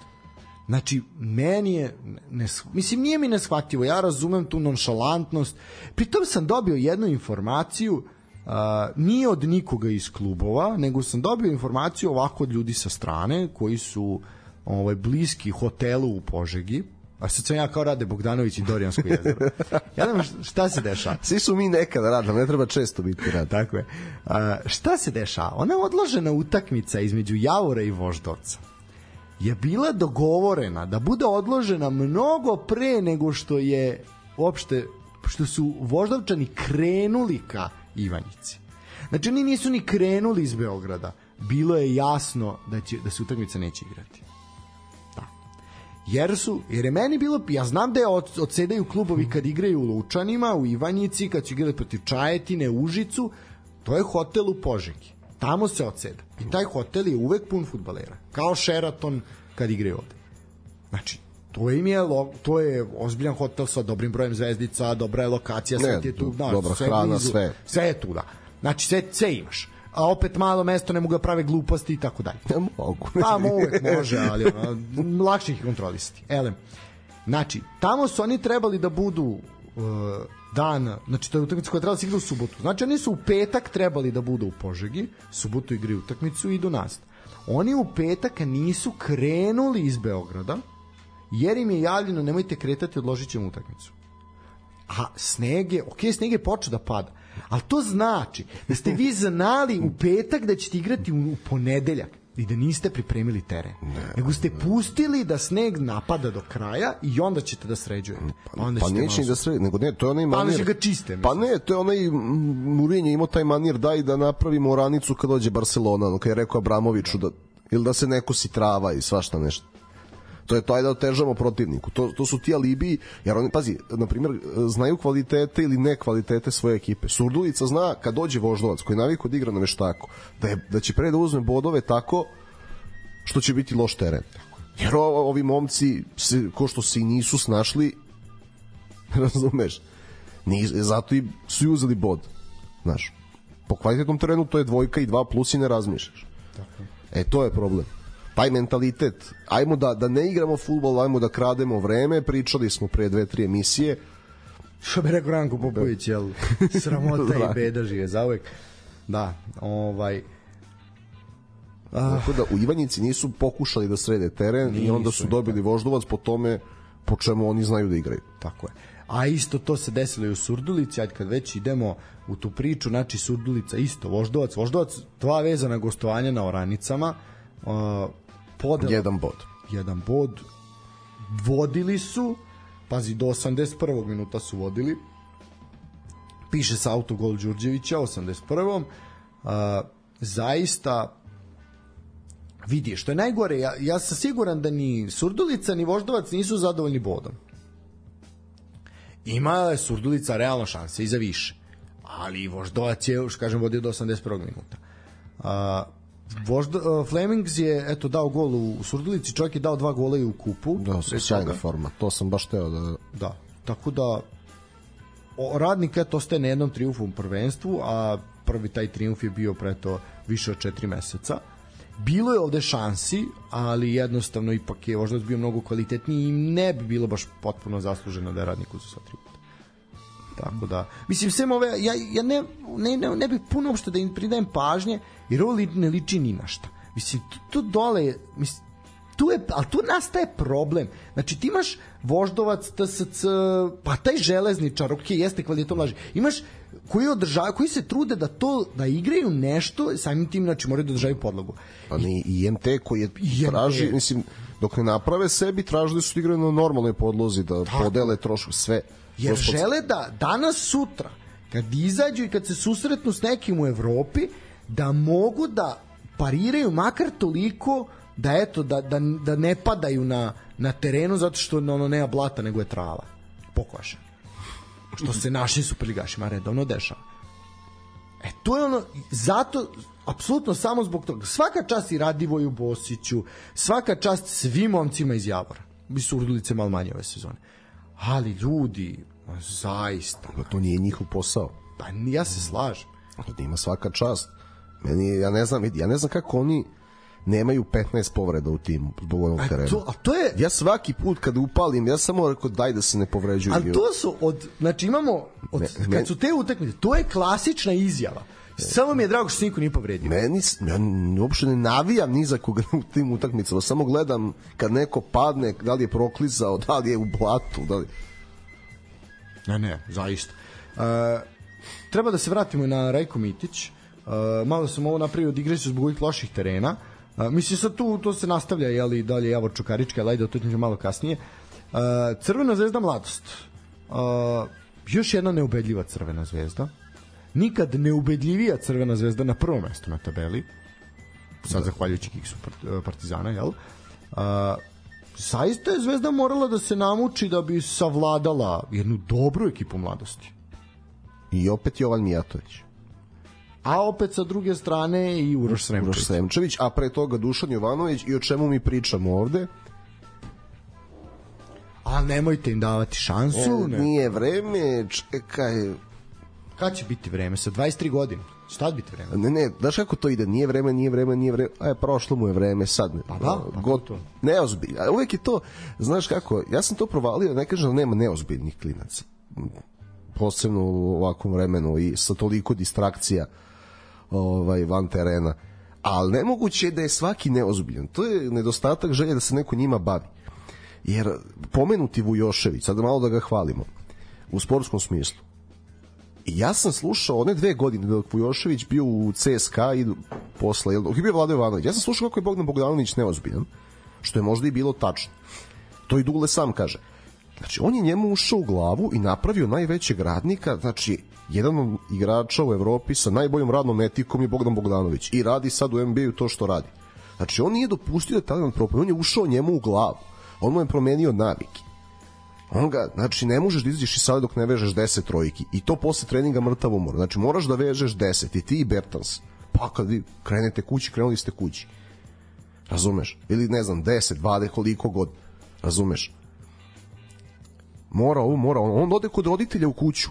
Biće po mom, pa će mali postati igrač, pa ćete vi lepo da zaradite i dobro svi da živite, ili ga neće biti.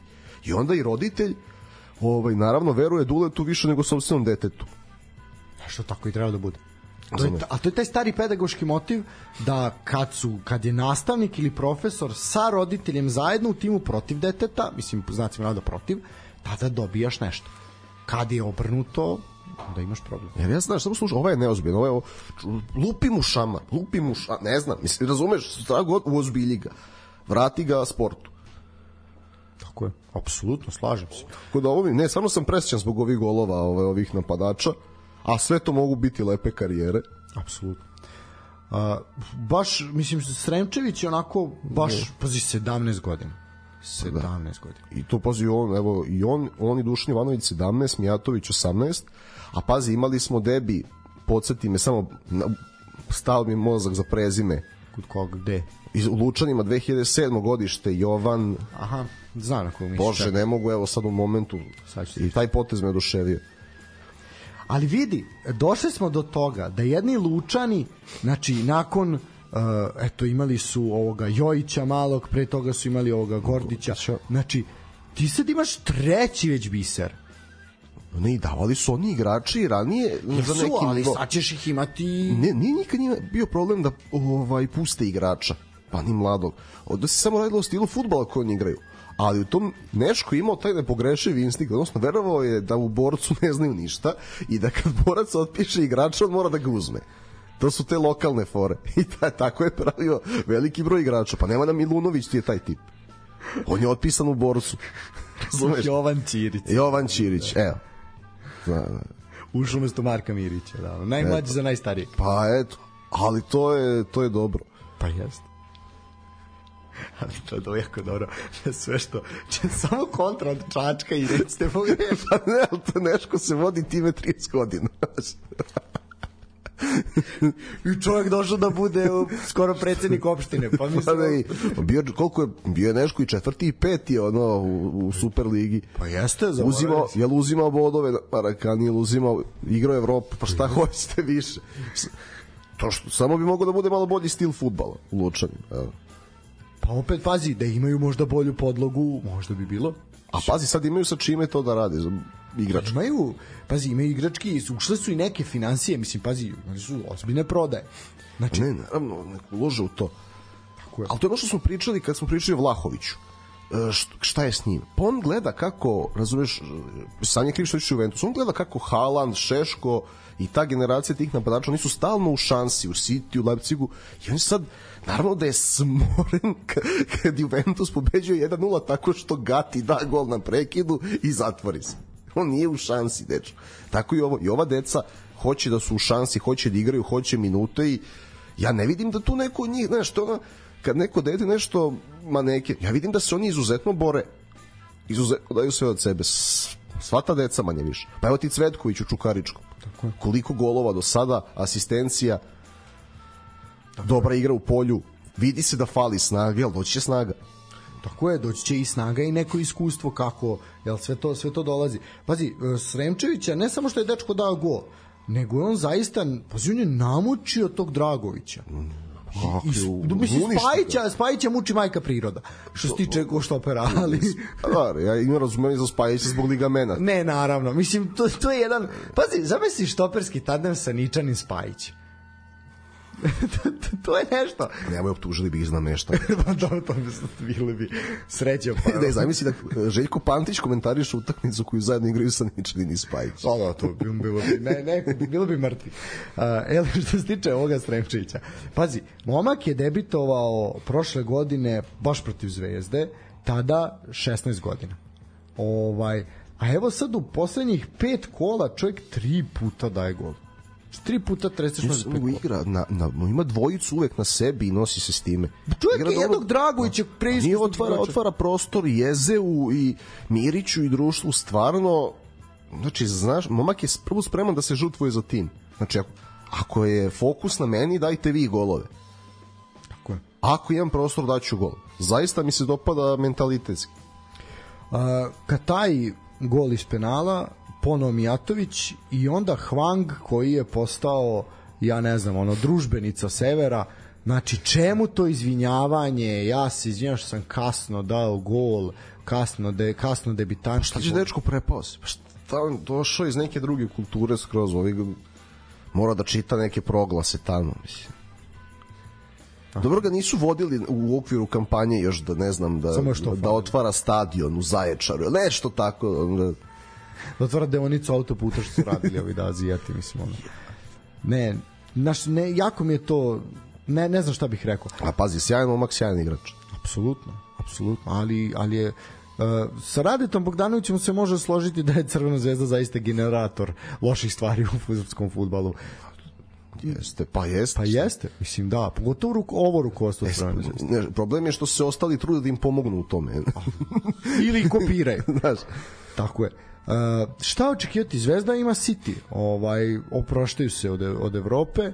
Dolazi... Uh, tu imamo, kako su neko je rekao, imamo svetskog rekordera protiv svetskog šampiona. Uh, Cr iskopali su ne znam kakvu budalaštinu da je sad zvezda svetski rekorder, ali to to je nešto što mi slušamo evo preko 20 godina. Pa, to A je- to traje 100 godina već. pa to je, ali to je kad ono hoćeš Kad da... nemaš ništa, e sad ćemo da iščupamo nešto, ma mi smo najbolji. Hoće da I ono što je dobro, hoćeš da bude još bolje. To mi je ono kao kad su postali prvaci Evrope, što vidi skidam kapu jer niko ovde to više neće poslati.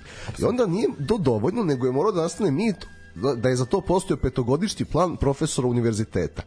Znači, profesor je mogao da sračuna da će Belodedić da beži od Čaušeskua, da će ono Pančev ipak da je da će Pančev da potpiše predugovor s Partizanom kao i Savićević pa da im se vraća novac i ne znam nešto su budalaštine stalno neki mit neki rekord najveći rekord najveći stadion najveća poseta megalomanija čista to je bo- bolest ovog društva Tako je. I taj moment, eto, sad smo mi preko noći iskopali podatak da je Crvena zvezda svetski rekorder po broju uzastopnih utakmica na svom stadionu bez poraza. E, a vidi, a kada, kada zapadni mediji iskopavaju fiktivne rekorde koji ne idu u prilog Novaku Đokoviću, onda se svi bunimo. Da, da, da, da, da. Ali, na, znaš koliko smešno je to i u istom, znači čitaš tu vest i ono povezane vesti, navijače Manchester City-a ne zanima gostovanje protiv Crne zvezde, neće organizovano doći u Beograd. A ti onda, vam to malo onda govori gde smo i šta smo. Odnosno gde ste i šta ste. O, pa, znaš kako... Znaš, niste nikakvi svetski rekorderi, mislim, to... Ma, Sportski pozdrav je, vidi, ima- vidi, sportski pozdrav je svetski rekorder u broju vezanih emisija ko priča o srpskom futbolu. Šta? Niko nas neće skinuti sa tog trona. Čak i kad ne Ne, snimamo. dobro, ima tu malo i do one engleske prepotencije, znaš, da se ne lažemo ovo... A ne kako, kako su West Hamovi došli u Topolu? Pa dobro, ne kažem svi, ali... Razumeš? Znači, ima malo i straha, ja sam siguran da je i to, jer ipak naš, ono, predstavljaju temu ko da vidi divljaka, je, naš, ipak ima i toga malo, siguran sam. Da, ima, ima i toga, posle, znaš kako to, i sad ima i tu kontra primjera tog preuveličavanja, onda, Naravno, onda kad dođu u Srbiju ne možeš ih isterati. nažalost, da, ali tako je. Ne, uh, to, to samo, ne, najviše sam to rekao, znaš kao to, eto, mi se sad hvalimo i tu sad Terzić koji opet menja ploču, ovo je sad četvrta ploča Zvezdana Terzića, Znaš šta god mene podsjeća? Na Sašu Lošića iz Plavog orkestra. Zašto? Pa zato što je Loša u, on u strofi ima uh, žao mi je što smo bili samo dobri drugovi, a u refrenu ima vino ne zna da smo bili sretni par. Znači on, on menja ploču u okviru jedne pesme. Tako i Zvezdan Terzić. Terzić u okviru jedne sezone ima tri ploče, da. Od toga u rangu smo s Bayernom do e, šta je bilo na prethodna ne znam, bio je ne gde se posipao pepelom i sad, i sad evo ova gde je to, ipak smo mi svetski rekorderi. Mislim, zaista, ono, ne, ne nepotrebno, ali dobro. To je, to je ta, svakome kome nije jasno šta se desilo ove se- sezone sa Crvenom zvezdom. E, ovo se desilo. Taj pritisak, ta megalomanija, to mi ćemo biti drugi u grupi. Ma šta drugi, mi ćemo biti prvi u grupi. Mi ćemo, njima, kaka Guardiola se će uvek desi megalomanija. Pa, ne, evo ti, pa evo ti košarki. zašto se desi megalomanija? Zato što želiš da podilaziš najvećem broju ljudi u Srbiji. Pa ja rekao Čović da idu na Final Four. Čo, jesmo imali Kalinića, pazi. Prvo, doći ću u situaciju da, da govorim da je Milan Kalinić u pravu. Znači, prvo molim da se to odvoji od realnosti. Znači, ali čovjek je jebi ga bio u pravu. Znači, čovjek je izjavio i to se sad vrti na sport klubu je bio na nekom od njih- njihovih milion podcasta koji izmišljaju da popune programsku šemu. Ovo je jako. ne, stvarno. Tako je. Ali, Ali da, brutalno sam iskren danas. Ali- Vidite, ta smena od 12 sati uradio čoveka odmah. Dobro, bolje podcast i nego iranski futsal, stvarno. Apsolutno. I ono ne prenosi nekog ženskog rukometa iz balata, ona iz banje, razumiješ? Brazilski fu, neki, neku... Sala za fizič, koša Miroslav Antić u togu šta je ono. Ne, to je izmišljenje, znaš šta sve dede u 9 ujutru mogu da se klade nedeljom. Svi ono vidio. da, da. Ovaj trč, Treba- vidi, trčao sam danas da pogledam malo ovoga Partizana posle posla, drugo poluvreme. Ja molim Aleksandra Mitrovića i Sergeja Milinkovića Savića da se što pre vratu u Evropu, bilo koju. Zato, za, ne, ne, znaš što je, pazi, ne, dođu ljudi posle posla i Sergej asistira Mitru za gol, Al Hilala. I odma Čiče, hiljadu, dve, tri, bit će još jedan, kuca i Mitrović da je gol, Sergej da je gol, nemojte ljudi, bankrotirat će narod. Znači, strašno je ovo. Svi gledaju su, traže to na Saudicima pre Partizana. Ti mo, vidi. Ne, ne, strano. Ne, ne, što bi, citirat ću, citirat ću jednog proćelog čoveka koji sedi tu na tom mestu svako radno jutro, a to je propale su i veće nacije, propašće i ova naša. Tako da, gde smo bili, sad smo odlutali. Da, za Kalinića. Znači, Kalinić koji govori da je on svojim ušima na sastanku čuo od Nebojše Čovića, jel, od vrha košarkaškog kluba Crvena zvezda, kako Crvena zvezda napada četiri trofeja ove sezone. Znači, oni se lažu međusobno. Oni to lažu, oni, oni veruju u laži. Znači, nije što on laže, da što sad on laže ko A to je najveći problem, to je to je problem sad opet ćemo doći do izbora koji jebi ga neminovno su tema. Znači, šta da li, da li, to je ta Vučićevsko obraćanje. I veliko je pitanje, da li Vučić veruje u te laži što priča, ili on vrlo dobro svestan da on laže. Ili da li oni veruju to što pričaju ili žele da se dodvore njemu? To je još, to je još veće pitanje. Ali ovo me zanima, da li zaista Zvezdan Terzić veruje u sve to što govori ili on, ili Nebojša Čović koji zaista misli da će napasti sva četiri trofeja, ne znam kako, ovaj, znaš ko, jel, jel lažete ili, ili zaista verujete? Ne znam šta je gore od ta dva. Da su zaista toliko ludi ili da su zaista toliko bezobrazni. Ne, pazi, Nebojša Čović, s obzirom na količinu uloženog novca, može da kaže da napada nešto. Nije to- Napada košarci- mesec, koliko je para potrošeno U na mesec da su mnogo manje razlike, ali Zvezdan Terzić, koji sebe stavlja u rang sa Bayernom, to je... Ma, mene, mene samo to zanima, što da ljudi, ali vi stvarno verujete u to. Znači, po, pri, pritom, oni su vama takav hokus pokus odradili sa tom Fiorentinom u pripremnom periodu, s tim turnirima u Rusiji, gde onaj nesretni Milićević sa arene priča kako će Zvezda igrati finale Lige Evrope. Što je normalno. To nisam znao za to. Ono u prenosu, pa ne znam da bio Zenit s kim su igrali tamo gore, nije ni bitno. Da li, da li postoji nedoumica ili pitanje ko će igrati finale Lige Evrope? Pa Zvezda neće igrati sigurno, to, to je jedina sigurnost. Mislim. Sad i matematički neće. A što ono čemu jebote? Zašto? Zato ne možemo da budemo realni, da kažemo ok, to je ovako, ajmo sad. Zašto mora da se ide na budalaštinu? Na to ono što, znaš kao, Ali to, to rade misleći da će da rasprodaju sezonske karte. Ne znam što, to, to uvek leti. Ne, okej, jasno mi je da je poenta Ali- privući, ali... Ajde, ajde sredi jebeni WC, ajde sredi prilaz stadionu, sredi parking, pa privuci na to što ima parking mesto. A ne na to što me lažeš da sam svetski rekorder u broju uzastopnih utakmica na domaćem terenu. Taj, ono naš, mislim, to je, to je problematika svega, sve ostalo manje više. Sve u svemu jedna neubedljiva zvezda, kažem prva na tabeli, a, sledi nam i taj uskoro i taj večiti derbi koji ćemo posmatrati.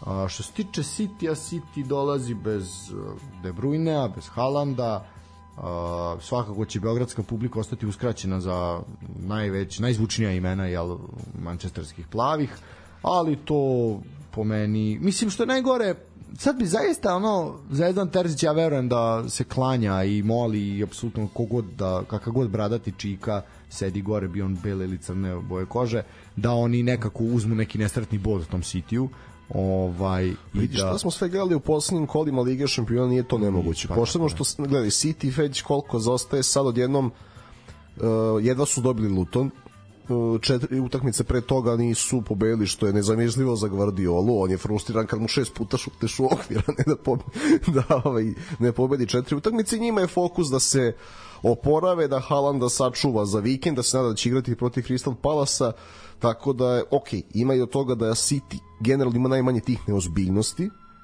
od tih velikih ekipa protiv malih, ali se opuste neki igraju. A no, ne bi mi bilo žao samo zbog te prepotencije navijača City-a i da, da prođu ovaj, loše.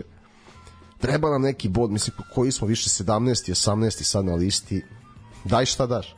Mislim, ovo je šan, mislim, vreme da se uzmu da se uzmu neki bodovi, a to jednostavno... Nek se opusti neki igraju, to bih volao opet da igraju, da, da budu nagrađeni Mijatović, Nedeljković, Lučić, Šljivić, da uđe Knežević 15 minuta, nema veze.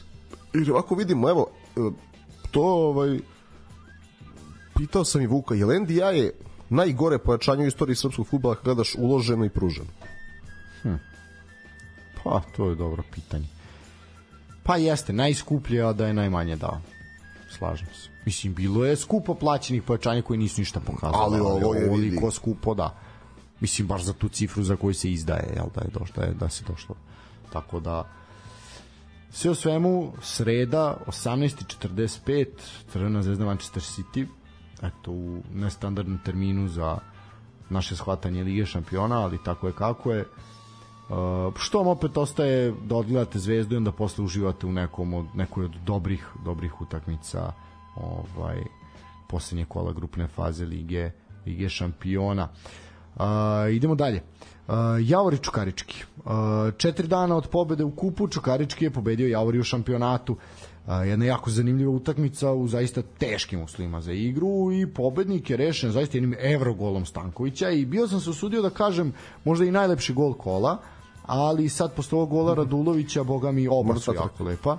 Uh, Brđani vezali su eto neke lepe rezultate i popeli se na peto mesto, malo se taj, taj, taj pad slobodan koji se dešavao malo se zustavio. Uh, treba pohvaliti Ivanovića, treba pohvaliti Bosića koji je bio fantastičan i baš je vukao svoju ekipu. Uh, ali bih ja pohvalio apsolutno celu ekipu Javora koja je zaista bila jako, jako borbena, na stranu ekipa Čukaričku koja je zaslužan došla do pobede. E, I vidi se da je bilo zaista jednima drugima stalo na 1-1 kada je poništen jedan pogodak je došlo do e, koškanja na, na sredini terena ovaj i zaista onako tu se videlo koliko je stalo stalo jednima i drugima i opet kažem, nikada Javoru nismo osporavali borbenost, pa čak ni kvalitet, ni igrače, ni ništa, ni pristup, ono što sporamo je taj teren koji zaista ne liči ni na šta. Dobio sam sliku, zašto sad potenciramo tu priču? Dobio sam sliku kako jedna Ir, o, božirska, o bože, izraelska televizija prenosi našu Superligu Srbije. Znači, pazi, što nije uopšte loše, jer ti prodaje, znači prodali smo prava prenosa nekome Da li je to zbog Bahara, da li je to zbog Lazara, da li je to zbog Natha, da li je to... Nije sporno uopšte. I sve i da je zbog njih trojice. U redu je. I sad tebi neko sedi mali Izraelac dok bombe padaju na drugom delu države ovaj dok mu otvaraju nove, nove, nove građevinski prostor u jednom delu tamo ka moru o, jako sam bezobrazan, ali dobro e, gleda ovo blato i u nesreću. Znaš, kao... Dovešćemo jezdu ponovo ovde.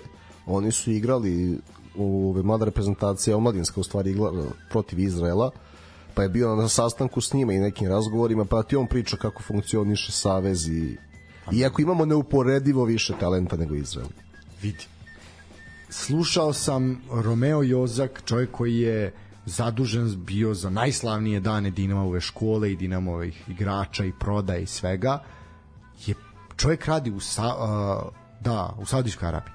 Znači, kako funkcioniše savez? Svaki je organizovaniji od našeg.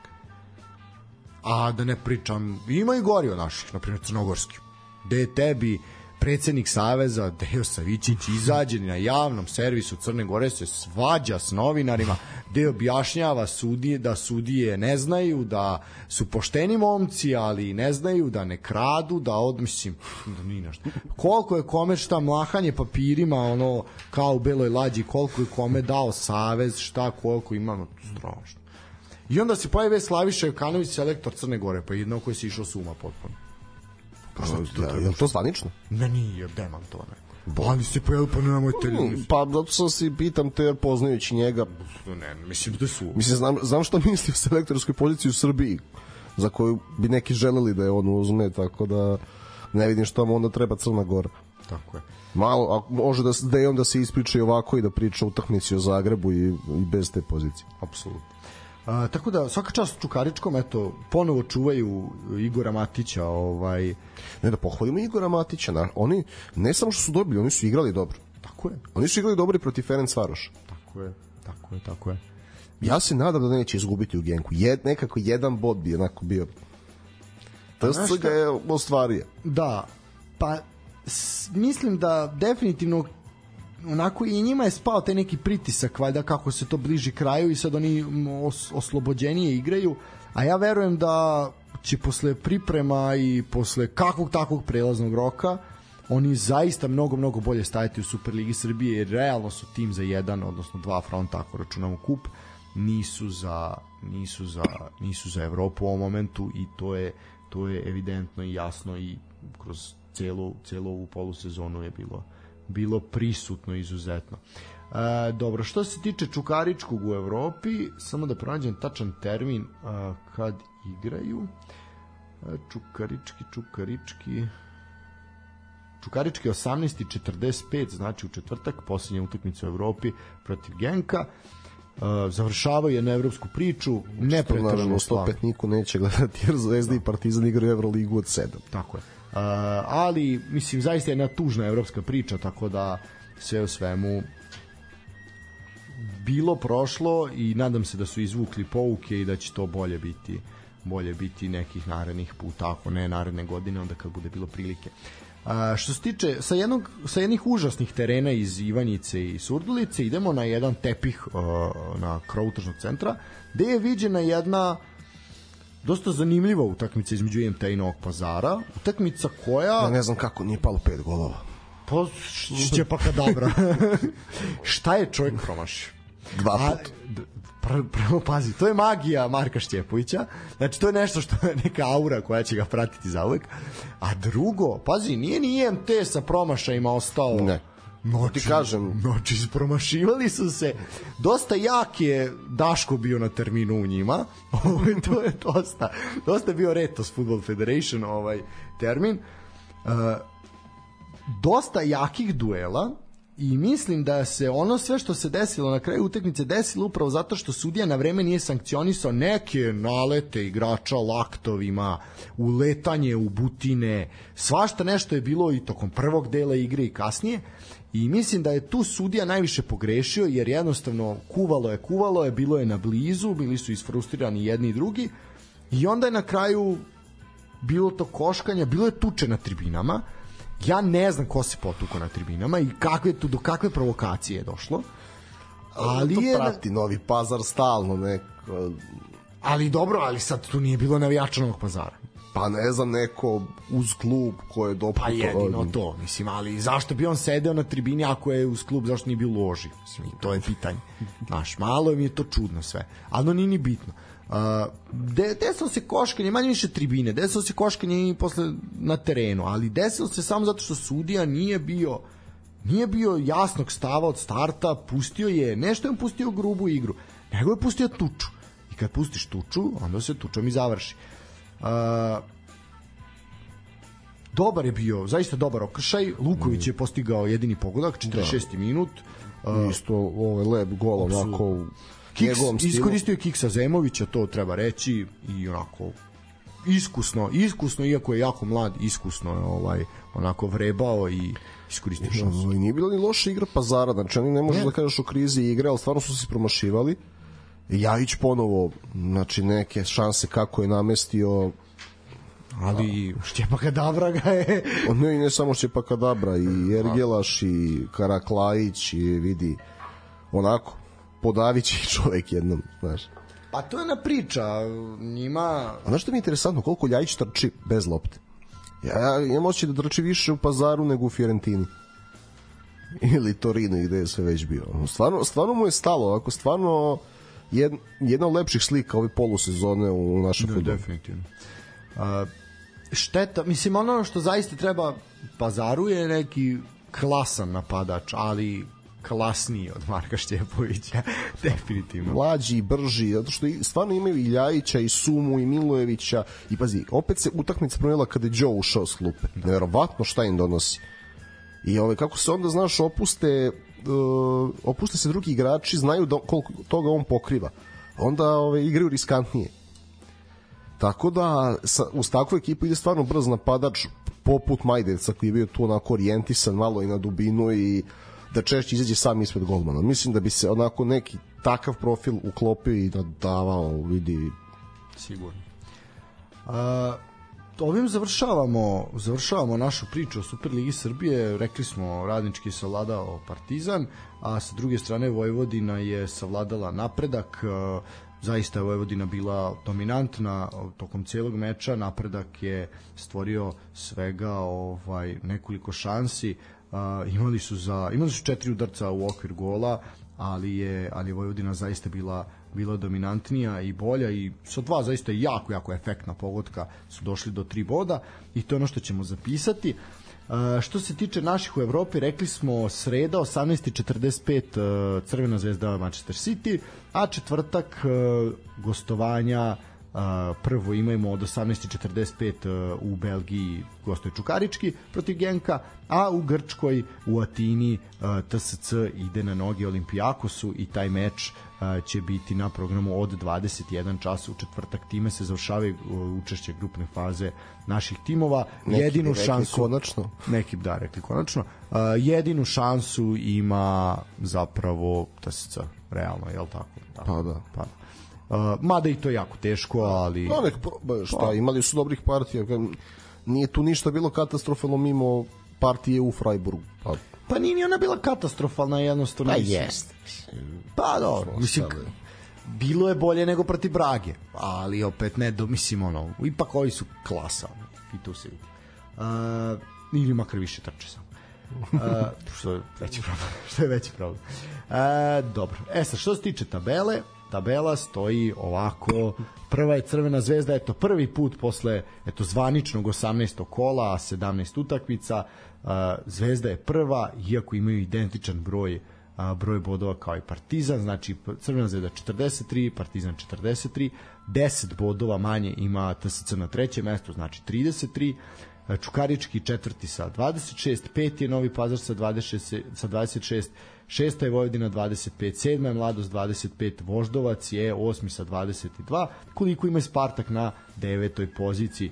Javor je na 20 bodova na desetoj poziciji, što je dosta dobar skor za Javor. Uh, Feđa Dudić nakon dva loš dva poraza i eto i nerešen rezultat ostao je samo na 19 bodova, ali opet se pamti ta serija vezanih pobeda plus pobeda u kupu. Uh, IMT 12. sa 17, 13. železničar eto koji je zaista prišao IMT-u sa ovim dobrom serijom rezultata, takođe 17 bodova, 17 bodova ima i Krušovački napredak na 14. mestu, uh, Ra- braća Tončev onda slede sa na 15. i 16. poziciji prvo Niš sa 16 i Surdulica posljednja sa 11 bodova.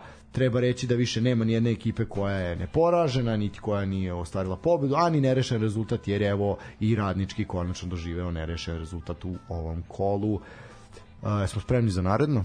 Spremni. Znači, to će biti zvanično 19. kolo. E, to je predposlednje kolo ovog e, dela, ako to nismo rekli, eto da ponovimo. Znači, igra se sad za vikend, igra se vanredno kolo u sredu, e, kada je program i večiti derbi i time se spušta zavesa na superligašku sezonu i superligaši se vraćaju 10. februara. Takva je odluka, dalje pametna nije nije pametna, to ćemo svakako razglabati u februaru ćemo biti pametniji ali meni se lično ne sviđa Ba ne, a znaš šta bih ja voleo? Znači, mi, ovaj, od, koliko, mi dva puta idemo na neke pripreme. Da. E, mi tri meseca, četiri provedemo po tim nekim pripremama i oporavcima od priprema i toliko smo nespremniji od ostatka Evrope. Da se niko nikad nije setio da pita, čekaj, evo, imamo toliko igrača koji su igrali u Lige 5. Kako to imati jednu predsezonu, pritom je ne rade po planinama i nekim destinacijama, ne znam kakvim, kako ste spremni cele godine? Znaš, To bi mogao stvarno neko da da pita. Ali ajmo mi da tipujemo, pa pa šta, šta bude. Uh, dobro, fali nam Vule, ali Vuleta ćemo konsultovati za njegove tipove. Uh, utrk, odnosno kolo, jel da kažemo zvanično 19. otvara Novi Pazar duelom protiv Surdulice u petak od 16 časova. Uh, eto, mislim svakako u Novom Pazaru je sve jedno, oni su još uvijek pod kaznom i njima baš to što se tiče publike nešto mnogo i ne znači taj termin.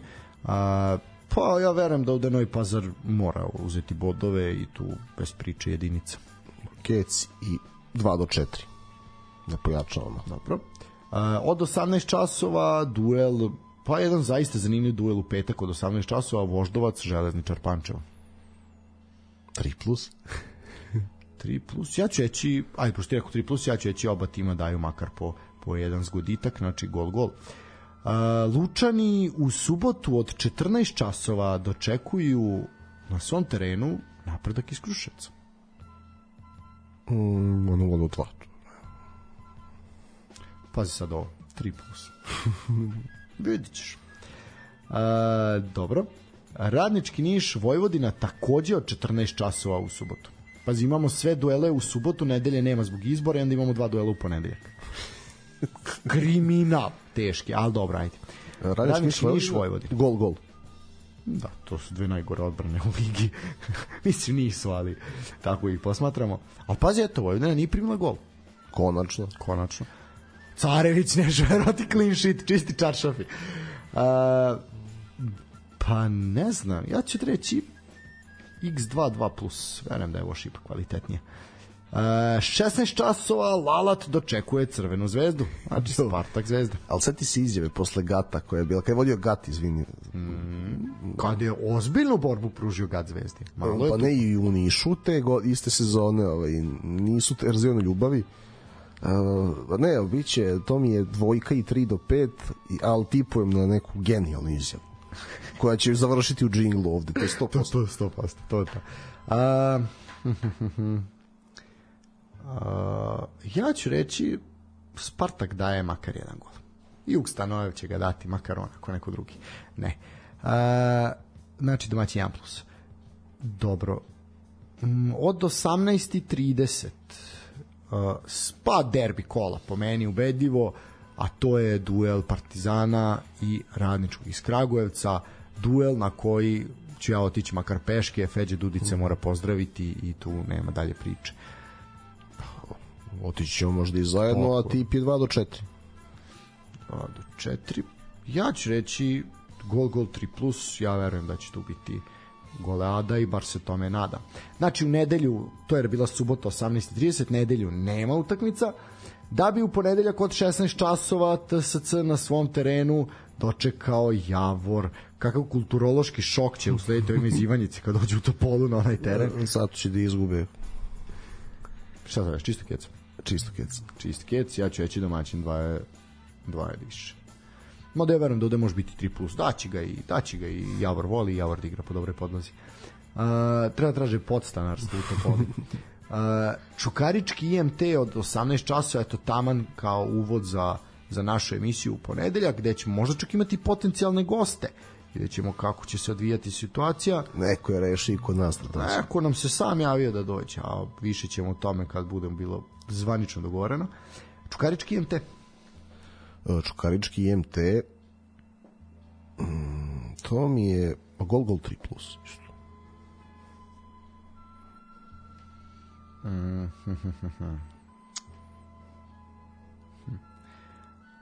Pa ja ću reći mm, ja ću reći malo gre 3 plus, ajde ja ću reći Kec.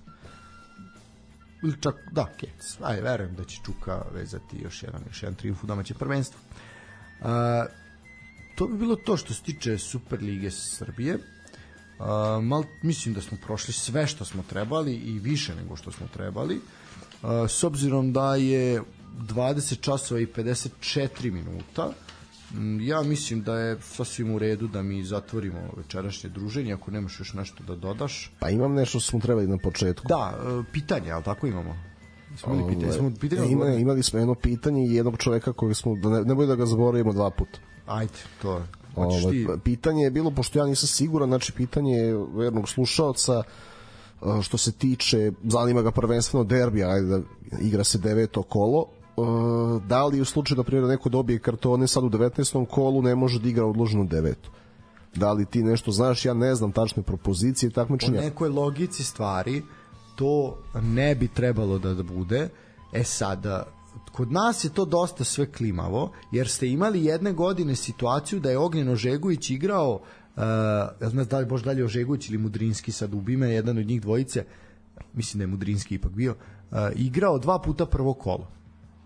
Sećaš se, Da, ono Javor Zvezda odloženo zbog koncerta Svetlane Cece Ražnatović Da, dole, a pošto je ova igra u Jagodini, tad Jagodina je igralo prvo kolo, pa onda igraju za Zvezdu još jednom u prvom, prvom kolu. Znači čovjek ima utakmicu više u odnosu na sve.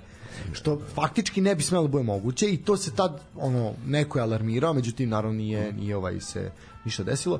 Ne znam, to je vrlo dobro pitanje. To je vrlo dobro pitanje i sad to baš se mora sesti i čitati knjige, ali vidiš da to onaj moment kupa i ono odložene one utakmice prekinute pa počinje se opet 0-0 dosta su nejasne propozicije kod nas, odnosno nepoznate i tu je negde i naša, mislim naša greška svih mi sportskog auditorijuma što je rekao Raka Đurović, ovaj koje mi ovo pratimo, zašto zašto je to tako nejasno. Jer kod dosta je nelogičnih stvari, eto kao na primjer ovo koju sam naveo.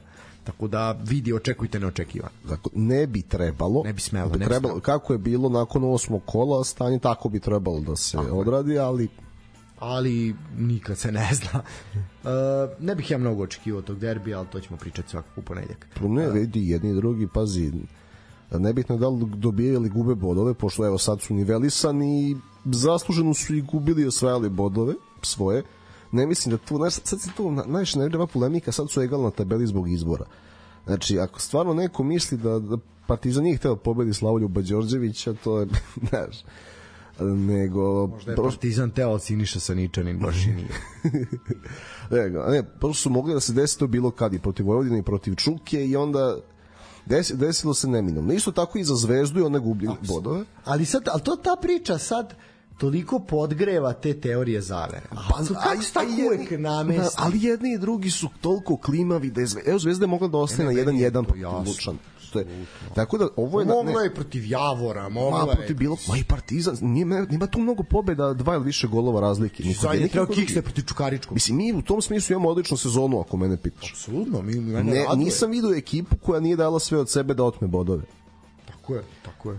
A, nego šta sam hteo i onda se ne očekujem nije od derbija iako pazi zbog igrača koji su dovedeni profila igrača pa čak i dva golmana koji umeju da igraju nogom na papiru smo pre dva meseca bih ti rekao imat ćemo najbolji derbi u poslednjih ne znam u smislu čisto futbalski. Sad nisam siguran i to. Posebno što je egal na tabeli niko neće hteti da rizikuje mislim da ćemo gledati neku klasiku. Ma.